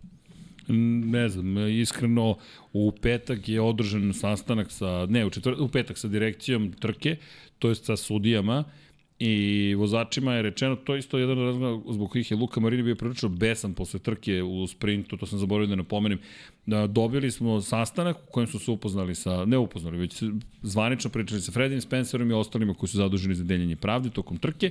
Rečeno im je da, kontakti će od sada po automatizmu dovoditi do toga da moraš da vratiš poziciju, da ukoliko neko padne do ga pretičeš, čak i ukoliko nema kontakta, ti ćeš biti odgovoran za to. Dakle, neke stvari koje su toliko bizarne, deki izlišni su komentari. I onda su u subotu dozvolili da se dešava sve što su rekli da će kazniti bez ikakve kazne, da bismo u petak došli od toga da više nemamo predstavu šta će se kažnjavati, šta se neće kažnjavati. I to je ono što je veliki problem zapravo u celoj priči. Ne to što, rec, ajmo da se dogovorimo šta radimo, pre čemu, ne, čak i nije to jedini problem. Prvi problem je uopšte kako su zamislili da trkanje funkcioniše, a zatim to što malo primenjujemo, malo ne. Pa ne, problem je što ovo sad sve što si ti napomenuo, to je jedna, jedna strana, to je jedna priča vezano za, za sudijske odluke i, i te neke disciplinske mere, a ovo je konkretno stvar bezbednosti. I o, mislim, stvarno smo bili svedoci decenijom unazad kakve su se sve stvari dešavale dešavale na, na staze, mislim sad ne otvaram tu, tu, tu priču i, i između oslog to se stalno provejava ovaj, nakon o, tragičnog udesa Dejđira Kata, da, da, je, da, je, da, da su njegovim povredama možda doprinili i sami redari koji su ga brzo sklanjali sa staze da bi se trka nastavila. Mislim, to, to su stvarno ovaj, ne, neke, neke ovaj, stvari zbog kojih neko, neko mora da, da, da dobro razmisli, posebno što, što, što od tih događaja već prošlo i, i, i nekoliko decenija, a kao da niko ne uči uh, na tome šta sve može da se desi i zbog čega je ovaj, jako bitno da se preventivno delo. E, apropo, Šoja Tomizava, 2010. godine u Mizanu, dečko, dečko je poginuo u tom incidentu, njega su nosili uh, Trčali su sa njim na nosilima, ne bili ga sklonili dok se završi krug. Ja neću ni da razmišljam o tome šta je sve moglo da se desi ili ne. Ali mi smo, mi smo došli u situaciju da dečko izgubi život, mi nismo zaustavili trku. Ne da nismo zaustavili trku, mi smo proglasili pobednika, ponašali se kao da se ništa nije desilo. Zatim smo imali uvod u Moto Grand Prix trku, zatim smo održali Moto Grand Prix trku, zatim smo podelili trofeje, to jest malo pre podele trofeja smo saopštili vozačima Moto Grand Prix klase, znate, neko je poginuo. Katastrofa od organizacije. Naredne godine smo izgubili Marka Simončelija. Poučeni tim iskustvom, kada smo izgubili Šoju Tomizavu, su zaustavili trku Moto Grand Prix. Carmelo Espeleta lično išao od garaže, do garaže da svima saopšti da smo nažalost izgubili i Marka. Da ne ulazim sad o Carmelo Espeleti, ali kao što si rekao, imali smo slučaj sa Daijirom Katom, imali smo slučaj sa Šojem Tomizavom, imali smo slučaj sa, dakle, u celoj toj priči Markom Simončelijem i onda Jasonom Dupaskijevom pre samo dve godine. Jasona Dupaskeja smo izgubili, ne, da, pre dve godine, 2021. u Muđelu. Pri čemu smo i tada nastavili vikend trkački najnormalnije, uz neku vrstu pijeteta, poštovanja i tako dalje. Međutim, i tad je Banja je rekao, ja se nisam dobro osjećao ovog vikenda. Izleteo je u prvom, u prvom krugu, baš kod krivine gde je Dupaske izgubio život i nema potrebe da izločimo te crne datume da bismo ove pričali. Hajde da to što si lepo rekao, da se podrazumeva da je bezbednost na toliko visoko, na prvom mestu. Drugo, mi ne znamo zaista šta može da se desi. Koja povreda je u pitanju. Po, zato je. spomenjamo kičmenu moždinu. Ljudi, vrat i dalje nije osiguran kod vozača. Dakle, za razliku od Hans uređaja koji se nosi kod vozača automobila, koji u velikoj meri pomaže da bezbednost bude na višem nivou, to ne postoji. Ne, ne postoji kao mogućnost kod vozača motocikala. Njima vrat mora da bude slobodan. Čim je vrat slobodan, taj čuveni whiplash, povratni udar i tako dalje, može da utiče na kičmenu moždinu. Ako taj neko leži u tom trenutku, Nije dovoljno samo, aj mrdaj se malo da vidimo da li si ti okej. Okay. A nema kao što, kao što recimo u Formuli 1 postoji ono koliko sekundi vremena treba da izađe iz bolida. Njima isto. Neki, neki redar na stazi, daj mu nek, nek broj kao sudija u košarci. 5 sekundi. Ako nisu uslovi za 5 sekundi, dugme na kombinezonu nekom, nečijem, šta god. Crvena zastava momentalno. I nema tu posle da se analizira da li je trebao ili nije trebao. Znači, 5 sekundi neko nije ustao da se skloni sa opasnog mesta. Možda automatski znak da nešto briga, nije kako nešto treba. Nije kako treba, upravo tako. Crvena zastava i nikakav problem. Ili usporenje trke, nije bitno. Kako god. Može i safety car i BMW želi da se reklamira tako po Moto Grand Prix. Uvedi nije safety bike kao koncept. Tako Evo, je. dva, tri kruga ćemo da tako da se je. vrtimo sporije i onda ćemo da krenemo u ponovni start iz mesta ili kako znači, samo god, je bitno da se, da se vozači skinu s trkačkog tempa. To je ono što, što je važno. Tako da, koji ćete koncept uraditi, uradite koji god želite, samo ako neko nije na svojim nogama posle par sekundi, automatski znak da nešto nije kako treba. Ali bukvalno kraj. Istog momenta kraj.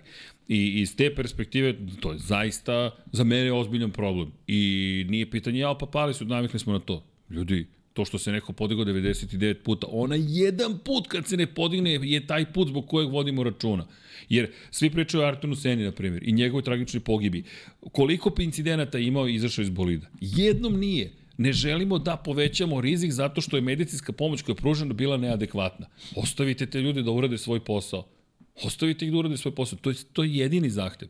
Srećom, čudesni, kao i uvek, ustade Manuel Gonzalez, ode čovek u garažu, Aron Kane, ok, izvukao je najdeblji kraj u celoj toj priči, ali i, i kad je reč i o šampionatu i o povredi, međutim, srećem nije životno ugrožen i Alberto Arenas koji se isto podigao, otišao čovjek u garažu i Da, generalno, znači, inicijalno Arenas, Arenas iza, izazvao ovo izletanje ove dvojice, pa da, ali... on je pao čovjek. Da, mislim, Nije on izgubio je prednji kraj, čini mi se, ako, ako sam dobro vidio. Da, on je da, pobegao da, praktično, da. on sklopio se na izlasku iz krivine, da. na njega zapravo u tom momentu naleće Manuel Gonzalez i pozadi Aron Kane koji ni ne vidi zato što prati Gonzaleza. To se isto desilo i Markezu. Alex Marquez je naleteo na Marinija pošto nije od Becekija video uopšte da je Marini pao ispred njega. To su dinamika u da. motociklizmu, u motociklizmu je potpuno drugačija. Srećom, svi prošli kako treba. I onda, brzi restart, Sam Lowe's, čekaj. Hoćeš ti, hoćeš ja. pa ne znam, mislim... Sam Lowe's. Pon, ponovit ćemo se Sam Lowe's. sve što budemo rekli. Tako Od je, tako je. 2020. pričamo isto. Pol pozicije najbrži krug, evo, evo. Ne, ali, ali, svi imamo ali osmeh sladak na mi je licu. bio sa kao, kao šta se desilo. Kao, čekaj, pa šta? Ti nam reci. ne, ne, srećem nije Da. poređen, ali čekaj. Da. Opet je bio brz, opet sve... Je prebrz. Da, bio... Prebrz da. bio. Mislim, meni tako deluje taj incident. Da, Bog, pa jeste bio Jednostavno prebrz. je prebrz bio. I ti izlećeš sa staze u krivini 1, srećom po njega crvene zastave, ajde trk sa motociklom nazad i onda ono nameštanje, popravljanje, magičnih 5 minuta dodatnih, ok, sve u redu, show se Da, nastavlja. ne, nekako mi ovo, ovaj, ovaj udes njegov mi objasni udes Raula Fernandeza iz Mizana. Nisi se spremio. A, ok, Bio ok, si malo prebrz. u borbi za Da, titulu da, da. protiv Remije Gardera, ok, Da. bio si prebrz. I, ali bravo, deki, Da. to je baš ta situacija, onako, koja podsjeća samo što ovde, opet protiv klubskog kolege Tony Arbolira, gde možeš da se i dalje Da. uključiš u Meni neku deluje borbu. kao da, da nije uopšte namestio motocikl za kočenje. Tako, tako mi deluje u, u tom trenutku. Ali nema, to, Ali- to je Sam Lowe's. Da. On će biti super, onda će da se opusti dan kasnije i onda, e, imam dva, vikenda, dva vikenda maksimalno mogu da vežem. Treći, ako veže, on će biti šampion sveta, a čuven je bio u super sportu davne, pre 10 godina, 2013. upravo po konzistentnosti i konstantnosti. Poslednji put kada smo ga videli u tom, na tom nivou je bilo 2013. kada je Yamahom osvojio titulu u šampionatu sveta u super sportu. I Sam Lowe's izleti sa staze, crvene zastave i zakasni 10 sekundi da izađe iz pit lane-a. Brze, procedura brzog restarta na začelje ide, a Toni Arbolino među vremenu, koji je rekao posle kvalifikacije, pa, moj klubski kolega je prilično brz, pol pozicije pripala Samu Lowsu, I dolazimo do toga da Toni ulazi baš lep duel. Meni se mnogo svidelo taj duel zapravo između njega. Ok, Alonso Lopeza koji je uvek tu i Pedra Costa s tim što je Alonso Lopez opet imao bla, žuti sekund, nije žuta minuta, ali ne znaš šta radi čovek, zašto to radi, ali radi. Da, postaje nekako zaštitni znak. Njegov za, definitivno zaštitni znak, neka, neka magla se spusti crvena, red mist, što kažu englezi, i malo je uticao tu na, na, na situaciju, ali Pedro Costa ga mudro izbjegao, pretekao i krenuo u poteru za Tonijem Arbolinom. Meni ovo izgleda kao čista pobjeda Tonija Arbolina na tempo. Prati me. Ajde da te vidim. Evo, ja vozim i nije mogo da ga isprati. Nije mogu da ga isprati, nekako sam je e, e, čitavog vikenda imao utisak da, da Acosta nešto nije, nije bio u formi ovaj vikend. Nešto, nešto je tu nedostajalo, nije, nije bilo te, te sigurnosti, samouverenosti, sad da li je, da li je zbog nekih njegovih razloga ili je ovaj Arbolino mnogo bolji nego, nego što je Iko očekivao ove sezone. Ja bih volao da je to, zato što ćemo Iskreno, imati, da.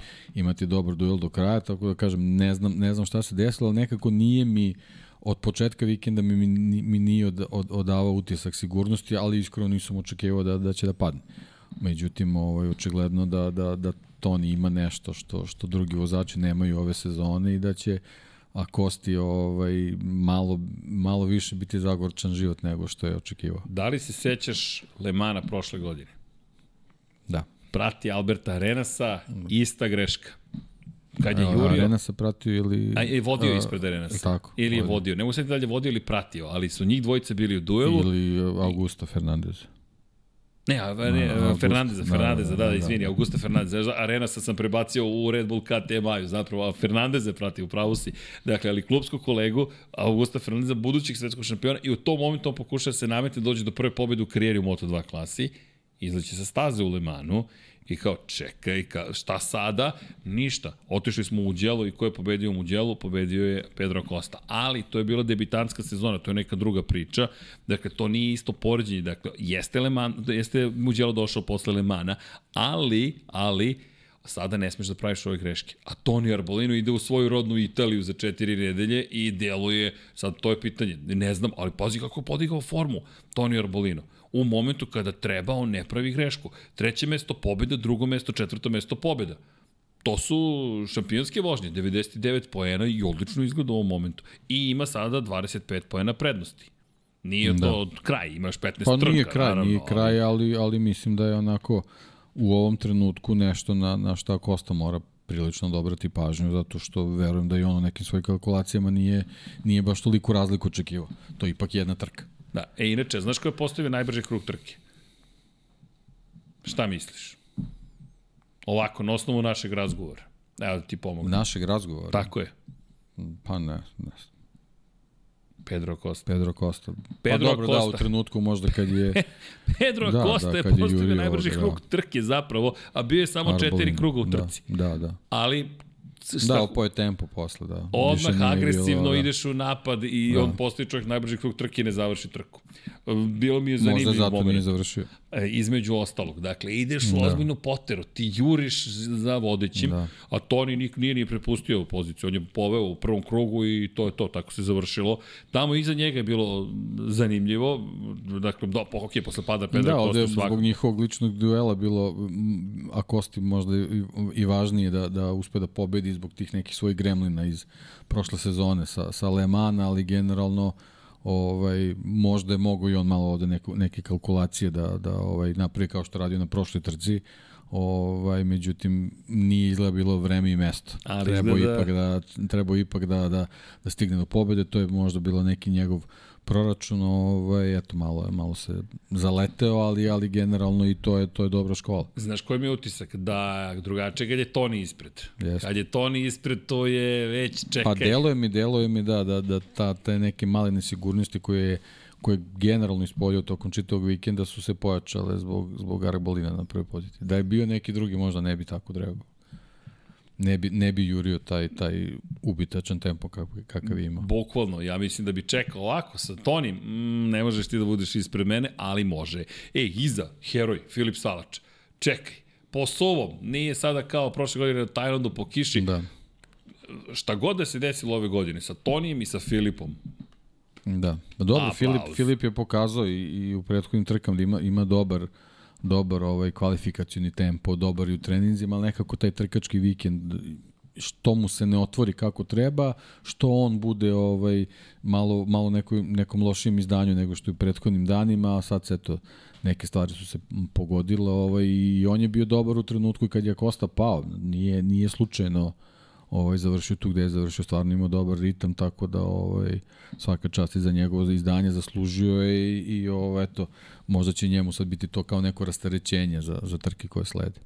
Meni deluje kao da bi bio, mogao biti čovek koji će Gresini da obraduje. Pazi, idemo u Italiju, pa cenim da tu motivacija neće manjkati motivacije i dobro, dobro izgleda.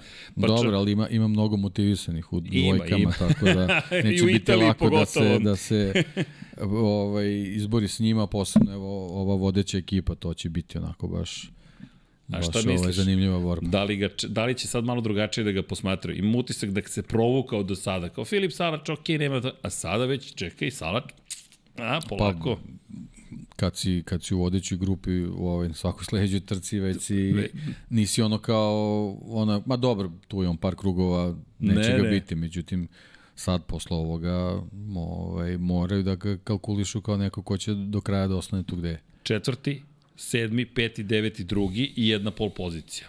Not too shabby. Nije uopšte bio loš. I iza njih Alonso Lopez, 60 pojena, inače u šampionatu Salač, 39 iza proplasiranog Arbolina, Alonso Lopez 61, dakle jedan više od Lopez, od, oprostite, od Salača i 13 manje od Akoste, dva puta za redom treće mesto, tri plasmana na pobjedičko postoje ove godine.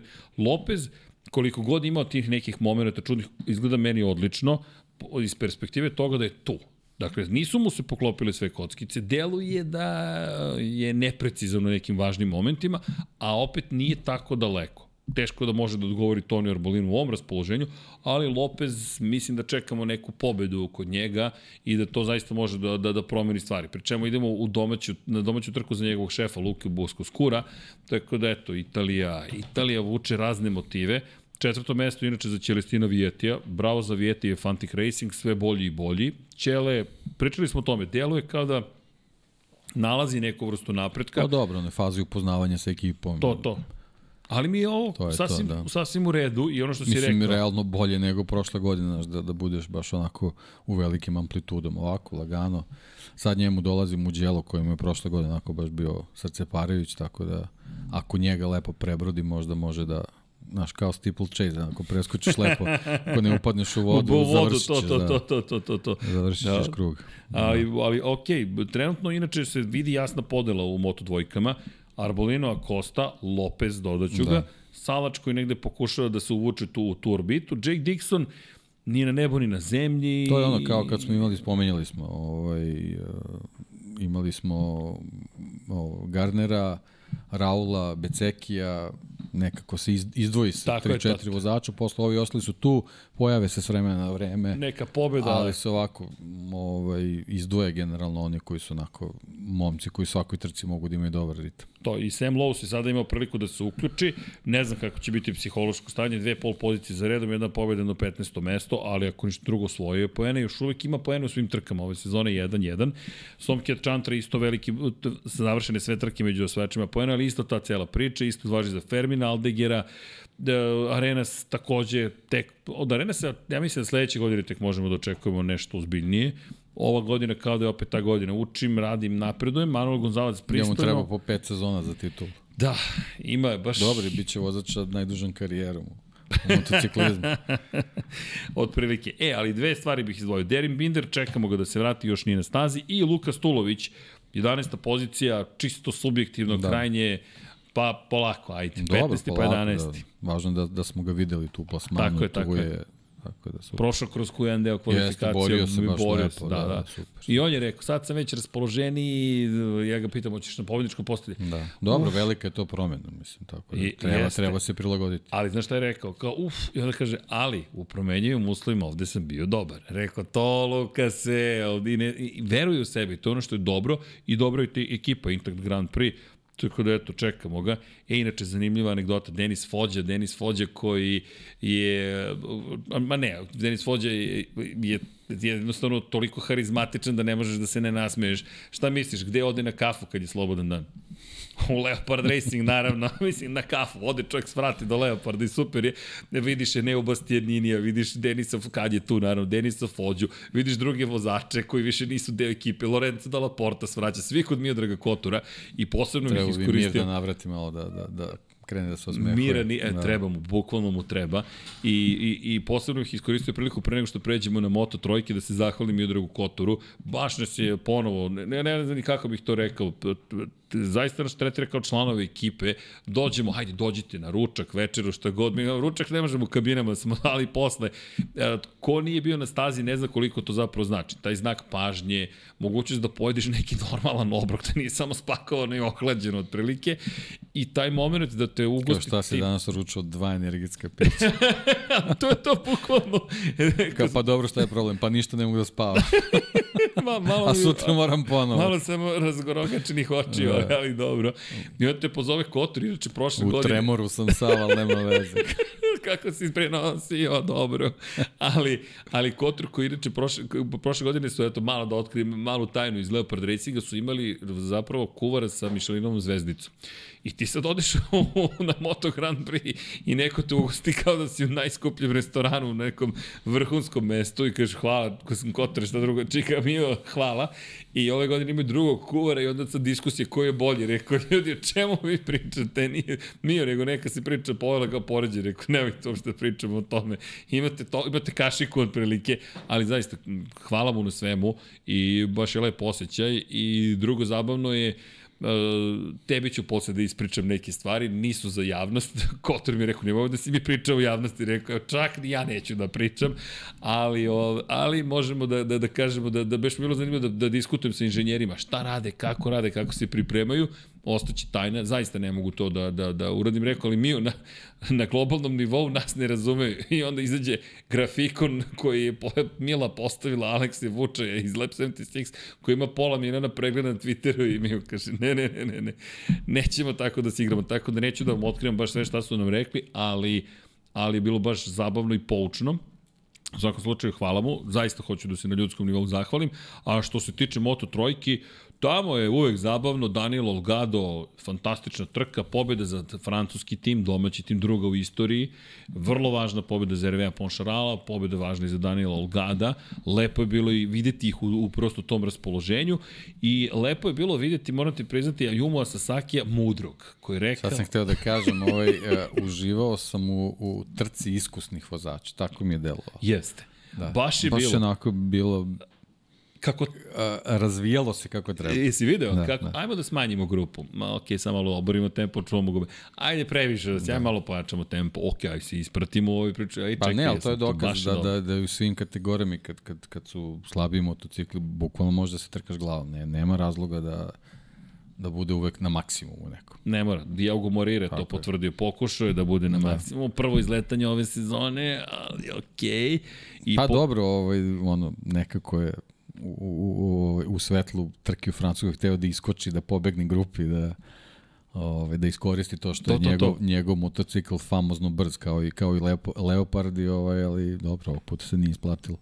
A, I, ali baš se nije isplatilo, ali, ali bilo mi je zanimljivo da gledam jer sam mislio možda je ovde, ovde može pobeda da padne i onda vidiš, a, ne, nema, ne, nema, nema toga. A Olgado, jeste mu ovo tek druga sezona u takmičenju, ali baš pametna trka. Iskusno. Iskusno, baš iskusno. Nekadašnji šampion sveta u juniorskoj konkurenciji i neko od koga se mnogo očekuje. Ne spominje se toliko. Čudno mi da ga Aki Ajo nije zadržao. Zamenili su ga za Deniza Ondžua.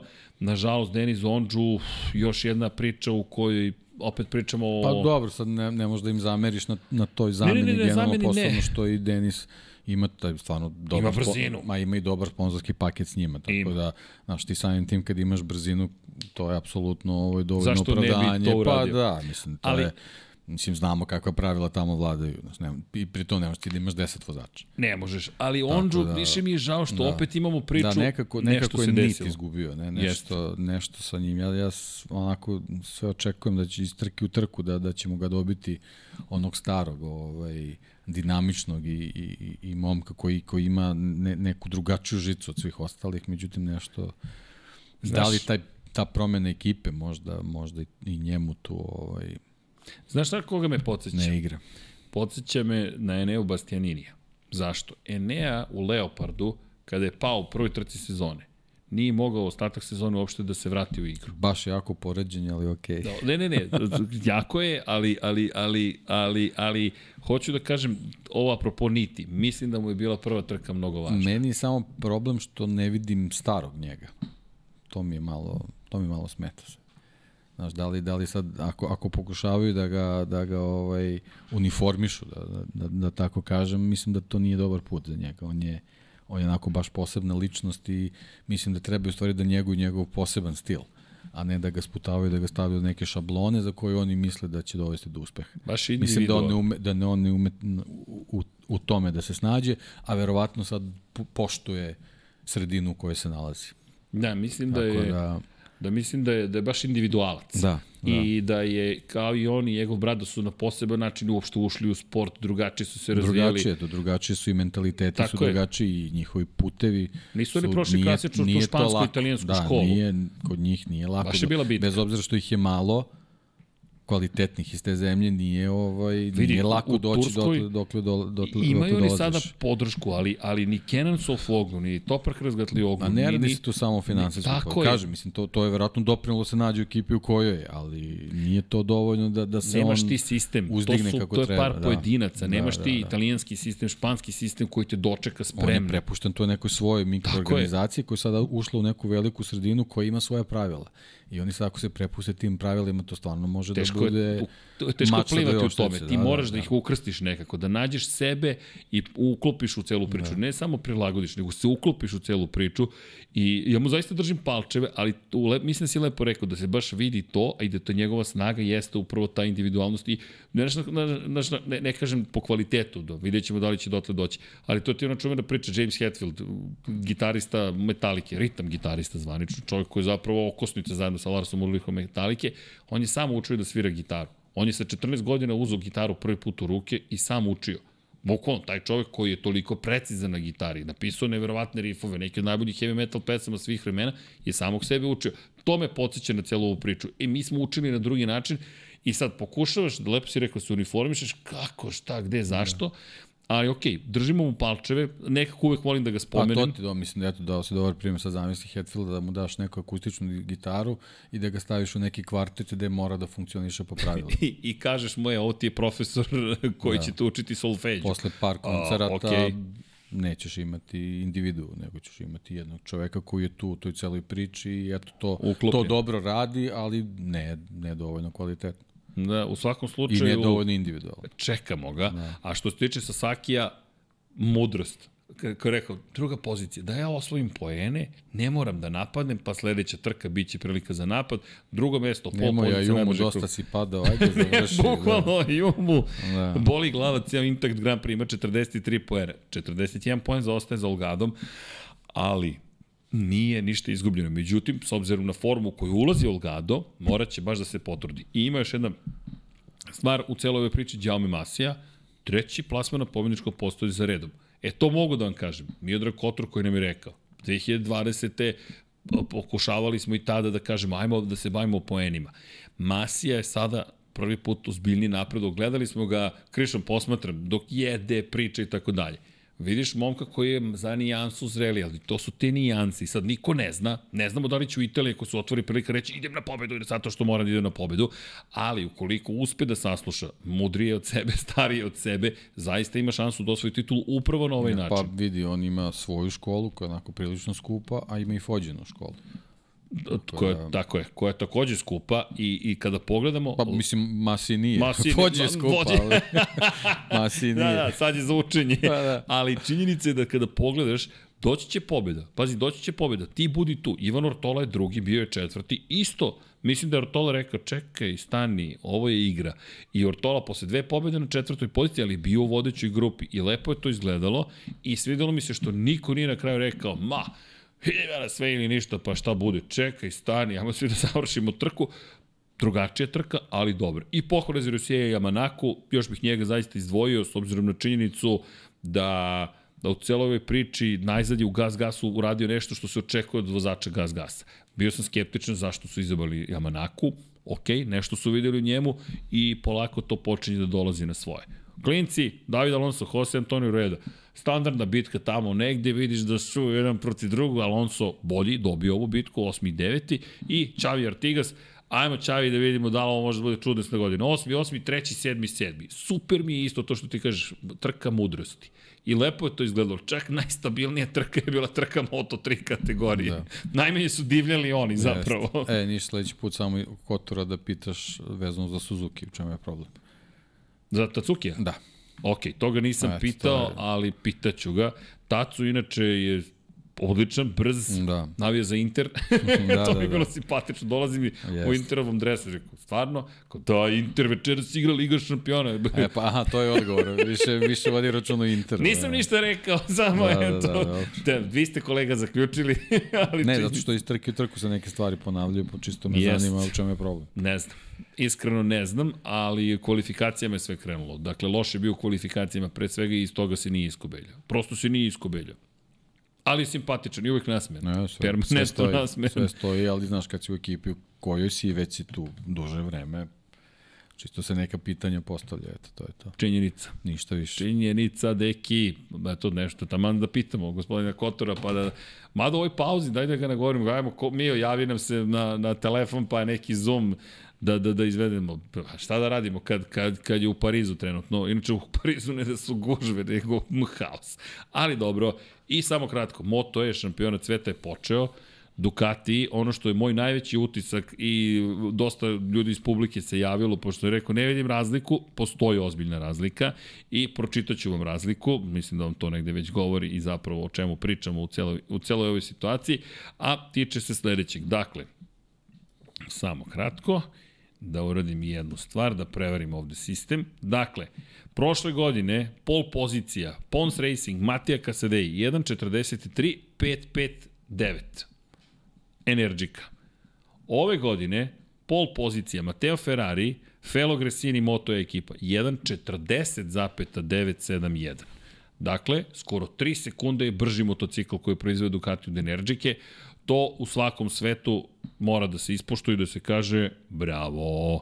Dakle, imali smo priliku da vidimo jedan nevjerovatan krug. Inače, Mateo Ferrari je vozio najbrže, videli smo rekord, dakle najbolje vreme ikada, 1.49.553, prosečna brzina 149,2 km na čas. Do sada je Niki Tuli držao rekord u trci koji je postavio 2020. 145,6. Tako da moj najveći utisak jeste da je Moto E klasa se pomerila. Drugi najveći utisak je da Dornu, koliko god tvrdila da želi da razvija ovaj ovu disciplinu, baš briga za Moto E kategoriju. Ja nigde natpis jedan nisam vidio da je Moto E trka na planu i programu ovoga vikenda, nijednu reklamu, ništa, ništa što bi mi reklo, ej, počinje neka nova era u Moto E šampionatu. Pa, verovatno su ovaj, misle da će to Ducati da uradi Pa, bukvalno, da ti dođeš i ovako gledaš i kao, a, i ko, ili neko zna da je Moto E? Nemam pojma. Na to se svelo, otprilike. A ti ne možeš da ih čuješ, pa publika kaže "E, nešto se dešava na stazi. Nije kao Red Bullov kup Novajlija, gde gruj, grmi i puca na sve strane. Znaš kada se čuje nešto na stazi? To, to, je, to je malo jezivo, čak kad padnu, pa krene da puca sve na sve strane sa motocikla da odliču delovi, da, ugljenična vlakna, znaš i sam kako zvuči kad krene da puca. Naravno, škripa kočnica, guma i ni slajdera. Jordi Torres inače pobedio u prvoj trci, bio drugi u drugoj, Hector Garza u drugi i treći, Mateo Ferrari, pol pozicija najbrži krug pad u prvoj trci, pol pozicija najbrži krug i pobjeda uz kaznu dugog kruga, odvezao briljantnu trku, bilo je zabavno i moram da istaknem još jednu osobu, Randy Krumenahir se pojavio Da, sa sad sam 33 teo kažem, pa apro- apropo to pojavio se, mislim, generalno momke koje si i pročitao, vidi se da, da dobijamo eksperte u stvari za vožnju električnih Da. motocikala, tako da verovatno su oni ti koji će u, u godinama koje dolaze biti tu ako, ako požele da ostanu u tom šampionatu, ako ima ne bude odskočna daska, daska za neki super sport ili super bajk ili već kako god žele da dožive svoju karijeru, ali generalno, ovaj, eto, čisto zbog toga što su već godinama tu nekako bi bilo lepo da, da stalno spominjem te marketinške aktivnosti Moto Grand Prix-a, dovoljno je da njih iskoriste za, za tu neku priču da pokažu kako, kako postoje vozači koji zaista umeju da voze te, te motocikle, pa čak i eto kad se, kad se toliko ubrzaju, tako da ovaj, ako ništa drugo, čisto bi zbog njih bio red da ih ispoštuju i da, i da ovaj, bar lepo najavljuju te trke, ali ne bih sad toliko onda o Moto, Moto Evo ne moramo i mi da pričamo, nego čisto da, da, da tu ovaj, spomenem ono što se danas pojavilo da, da, ovaj, da su se japanski proizvođači udružili da, da Hidrogen. probaju da razviju, da, u stvari oni će za, za, za male motocikle razviti ovaj, ovaj motore na, na, na, na vodonik, ovaj, sad da li to neka budućnost Moto Grand Prix, vidjet ćemo posebno što oni trenutno ne igraju neku posebnu ulogu u, u Moto Grand Prix, ali eto čisto da, da, da ovaj, navedemo da i oni razmišljaju na, na neki svoj drugačiji zeleni način. Da, inače ja bih volao da, da zadržimo motore sa unutrašnjim sagorevanjem, ali da imamo hidrogen kao tečni hidrogen, to je malo teže, postaće tečni vodonik, mora da se skladišti prilično na prilično niskim temperaturama, tamo kod apsolutne nule, minus 230 i koliko, ali kada govorimo o... Ali dobro, eto, krenulo su razvoj, pa, Pa da. vidjet ćemo A kako će verovatno će koncepti da budu. Da. gorive ćelije ili nešto Da, slično ali tome. simpatično, svako od njih je preuzeo da razvije jedan deo, bit će to zajednički Honda, projekat. Yamaha, Kawasaki, I Suzuki. Suzuki, da. Da. da. Zajednički projekat, svako razvija neki, neki svoj svoj segment, tako da vidjet ćemo, ovaj, ne znam koliko će im vremena trebati za to, ali dobro, svi oni već posto, imaju neke tehnologije vezane za to, tako da verujem da ćemo brzo dobiti nešto na dva točka. Evo, Nikola- Ali dobro, to je, to je jako zanimljivo iz prostog razloga što eto što oni žele da daju neki svoj odgovor na čitavu priču i ono što se poklapa generalno sa japanskom filozofijom, oni nisu uvereni da je budućnost čisto električna. Pa, S čim se apsolutno prilično slažem. teška priča. Ti ja Da. imamo tu vrlo slično mišljenje, gotovo identično, to je da je ovo načina koji se trenutno gura priča o elektromotorima nemoguća iz perspektive infrastrukture, generisanje električne energije, ne rešavamo suštinske probleme, samo ih sakrivamo od oka javnosti koja živi u velikim gradovima i to je to. Tamo negde ćemo proizvesti na verovatno vrlo prljav način što materijale, što energiju, ali vi to nećete osetiti ako živite u gradu. Pa, čekajte, malo, to mi je malo problematično. Drugo, koja infrastruktura da podrži sve to? A, a i onda će i gradovi da se zagreju, itd., itd., i onda će neko za 40-50 godina kaže, ej, ipak nešto drugo.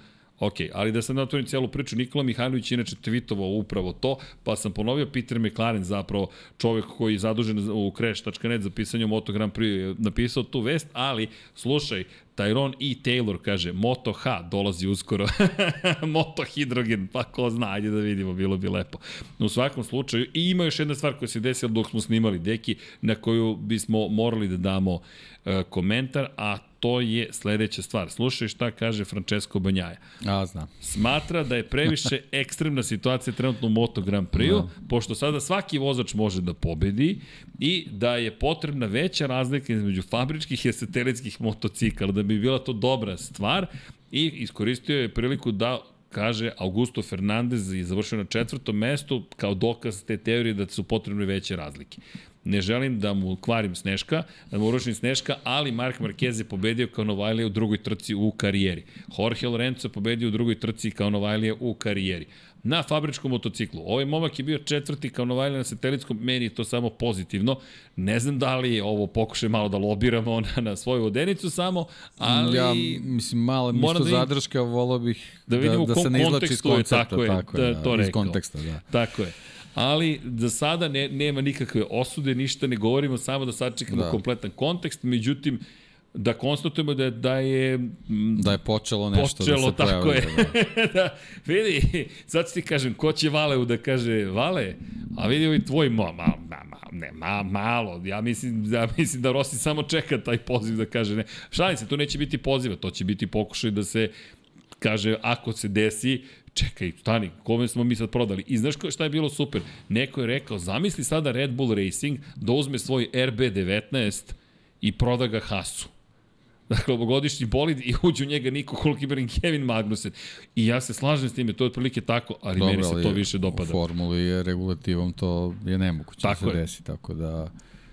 Neka, meni se više sviđa ovaj Moto da, Grand Prix. Meni, meni je ovo, ovo dobar koncept, pa samo da vidimo dok li proizvođači mogu da izdrže. Yamaha Na njima je. ne može. Pa ne, Šalim se, ovo, šalim ovo što je rekao, to je direktno usmereno na njegov Ducati. Oni su ti koji, koji snabdevaju ovaj, uh, satelitske ekipe motociklima i pa čak updateuju i prošlogodišnje verzije. Koji je kriv što to radi. Ali uh, mi smo im zahvalni. E ne, a Bastianini prošle godine imao krilca na, na starom Ducatiju. Na starom Ducatiju. Ko, kojih je tero da stavlja. Dobio Zmajev rep. Mislim, ne, ne znam sad da li samo to uticalo, generalno tu smo onako ovaj, očigledno videli da oni rade na razvoju starih motocikla, tako da to je, to je njihov problem. Ali i dalje smo im zahvalni. Apsolutno, Nemojte ništa da. da. menjate po tom pitanju. Francesco, pusti Ne menjajte nas. ništa, samo, samo crvenu zastavu dajte kad treba da date. To bi bilo je lepo, to. lepo da se uvede. Uh. Deki, uh, nemam predstavu koliko već trajemo, ali Pa, ono, standardno mislim da je, da je to nešto. smo tu negde dva i po sata otprilike. Pa tako, da. Tako, pa da, do, dobro, ali ali nije, nije kvantitet, kvalitet je u pitanju. Sada je 5 i 18 minuta, vreme da se polako pozdravljamo. Ja ću zamoliti jednu stvar, izvinite patroni članovi, što ću zamoliti Čika Miksu i Gosan Peru da ubace zapravo jučerašnji snimak Patreona. Zašto Čika Jao Mile se pojavio da nastavi snimanje, već je ovde snimao. Tempo u studiju je onako ozbiljan, ali to je sve dobro, em je dobra ekipa, em je dobra energija, em se lepo radi, em se stvarno neke divne stvari događaju. Jedan na jedan pratite gospodin Miksa i gospodin Vanja, lepo to, ne lepo, sjajno to rade. Još sad ovo Denver Nuggets, pobeda protiv LA Lakersa, ja, i vidite da je triple double Jokić prvi istorija, a čak ja sam počeo da pratim, slušam jedan na jedan, pa iću pametniji u društvu. E, ali znaš šta morate da uradite? Morate da nas pozovete ako budu igrali finale, finale, da samo navijamo za vreme utakmice. Ne da komentarišemo. Vi komentarišete, mi ćemo da sedimo u zadnjem redu na klupicama i da navijamo. I to je to. I naravno pozovite Čikadeki jer nekada ako je odbio 99 yardi ne može 1 na 1. To nisi rekao za 1 na 1. Šalim se, čovjek koji sve zna. Deki sveznalica. Nemamo kucu sveznalicu, nemamo Dekija sveznalica. Ima da napravimo ma, evo, majica, Deki sveznalica. Kad porastem, bit ću deki. A, U svakom slučaju, ja bih u ovom pozitivnom duhu završio današnje druženje Lab 76 broj 303. Hajde, Joe Rogane, da te vidimo, idemo na 3000 uskoro i da ti poželim lep ostatak dana. Nije kao da se nećemo vidjeti već uskoro, ponovo, na premijeri Fast and Furious 10, to je Paklen ulici 10 ili, ili ti Paklen ulice X.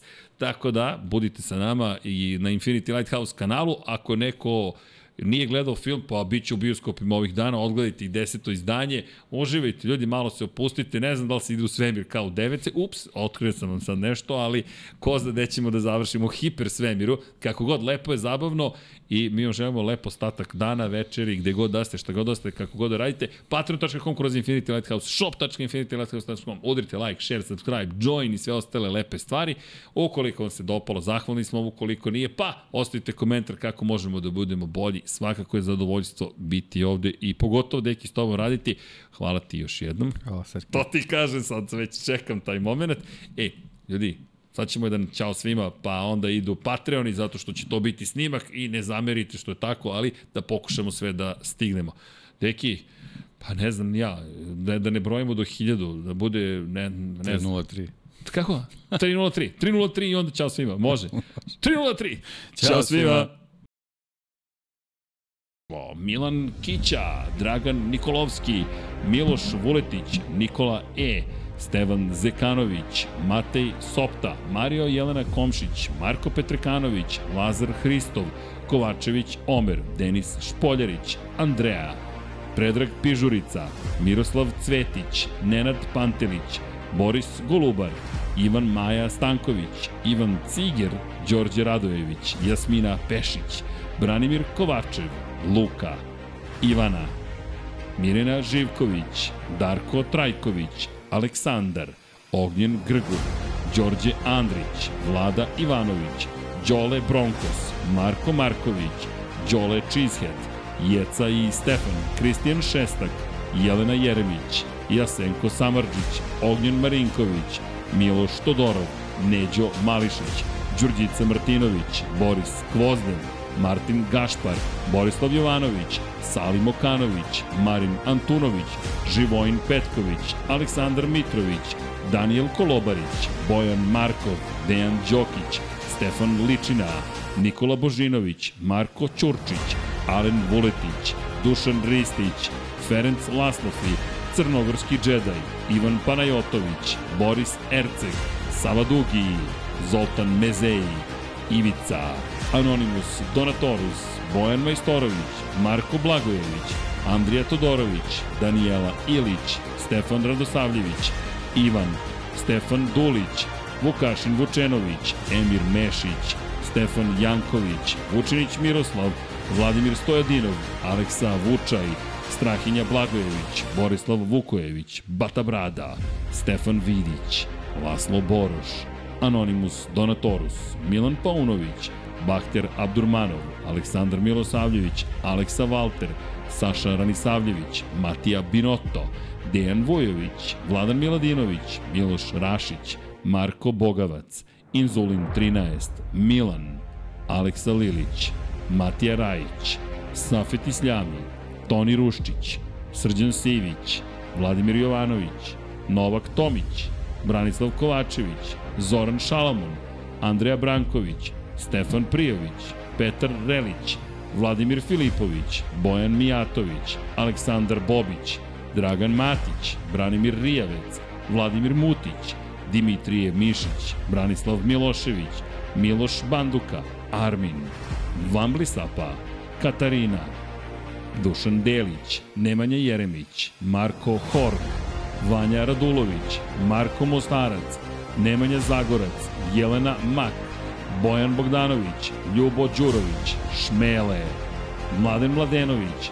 Danka, Milan Apro, Miloš Radosavljević, LFC, Ivan Rebac, Armin Durgut, Mladen Krstić, Vladimir Uskoković, Anonimus Donatorus, Josip Kovačić, Mario Vidović, Nebojša Živanović, Da žena ne sazna, Ivan Milatović, Goša 46, Ivan Simeunović, Stefan Vuletić, Lazar Pejović, Ertan Prelić, Marko Kostić, Zlatko Vasić, Đole QB4, Stefan Nedeljković, Igor Gašparević, Vukašin Jekić, Mihovil Stamičar, Dorijan Kablar, Stefan Lešnjak, Žorž, Nedo Lepanović, Blufonac, Luka Manitašević, Igor Jankovski, Miloš Broćeta, Nemanja Miloradović, Aleksandar Anđelić, Zoran Majdov, Renata Neš, Aleksa Jelić, Aleksandar Banovac, Boris Kujundžić, Sean Hing, Sean Hing, izvinjam se, Igor Vučković, Marko Kozić, Klara Gašpar, Đerman, Lj. Đurović, Marko Radanović, Pavle Nj, Marina Mihajlović, Vladidov Dave, Branko Bisački, hvala Dave, Optimistic Josh Allen Fan, Gloria Edson, Nikola Marinković, Luka Martinović, Predrag Simić za knjigu Dave, Milan Nešković, Tijana Vidanović, Mirjana Kovačević, Kimi Rajkonen, klub štovatelja Ramona Mireza, Vuk Korać, Ivan Toškov, Stefan Milošević, Dejan Avić, Petar Nujić, Filip, Ante Primorac, Grgo Živaljić, Nedim Drljević, Branislav Marković, Jugoslav Krasnić, Branislav Dević, Monika Erceg, Aleksandar Jurić, Džigi Pau, Nikola Stojanović, Nenad Đorđević, Nemanja Labović, Žarko Milić, Jelena Veljković, Ružica Stefanović, Đorđe Đukić, Benjo KK, Antonio Novak, Mlađan Antić, Damjan Veljanoski, Andreja Miladinović, Alen Stojčić, Mihajlo Krgović, Nemanja, Sead Šantić, Bogdan Uzelac, Zorana Vidić, Nedim, Luka Klaso, Ognjen Ungurjanović, Zoran Cimeša, Nenad Simić, Borko Božunović, Lukaš, Lukas, Ivan Rečević, Andrej Božo, Nikola Milosavljević, Nenad Ivić, Vojin Kostić, Milan Ristić, Aleksandar Antonović, Deus Nikola, Jugoslav Ilić, Stefan Stanković, Ivan Maksimović, Aleksandar Radivojša, Jovan Đodan, Andrej Bicok, Aca Vizla, Milan Milašević, Veselin Vukićević, Đorđe Milanović, Dinistero, Aleksandar P, Bojan Stanković, Resničanin, Toleador, Ljiljana Milutinović, Milorad Reljić, Josip Buljovčić, Škundra, Nikola Kojić, Tatjana Lemajić,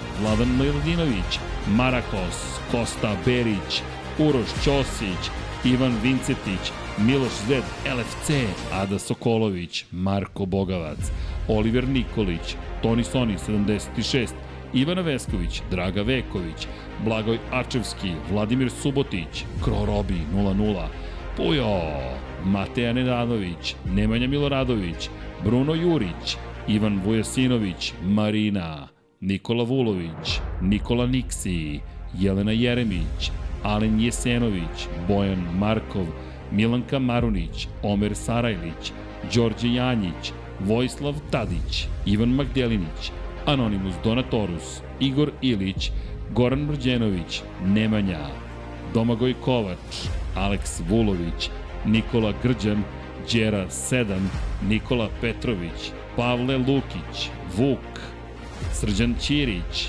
Mensur Kurtagić, Uroš Čuturilo, Igor Ninić, Saša Stevanović, Miloš Stanimirović, Branislav Dević, Ivan Božanić, Aleksandar Kockar, Ivan Hornjak, Almedin Ahmetović, Bakadu, Nikola Božović, Dejan Plackov Plackov, Nemanja Cimbaljević, Bojan Gitarić, Vlada Ivanović, Aleksandar Nikolić, Saido Mujčić, Dejan Janić, Galeksić, Jovan Bojanić, Marko Stojilković, Nemanja Bračko, Vladimir Vujčić, Milan Knežević, Petar Bjelić, Ejhil, Mađar 007, Zlatko Marić, Žiksi, Maxi.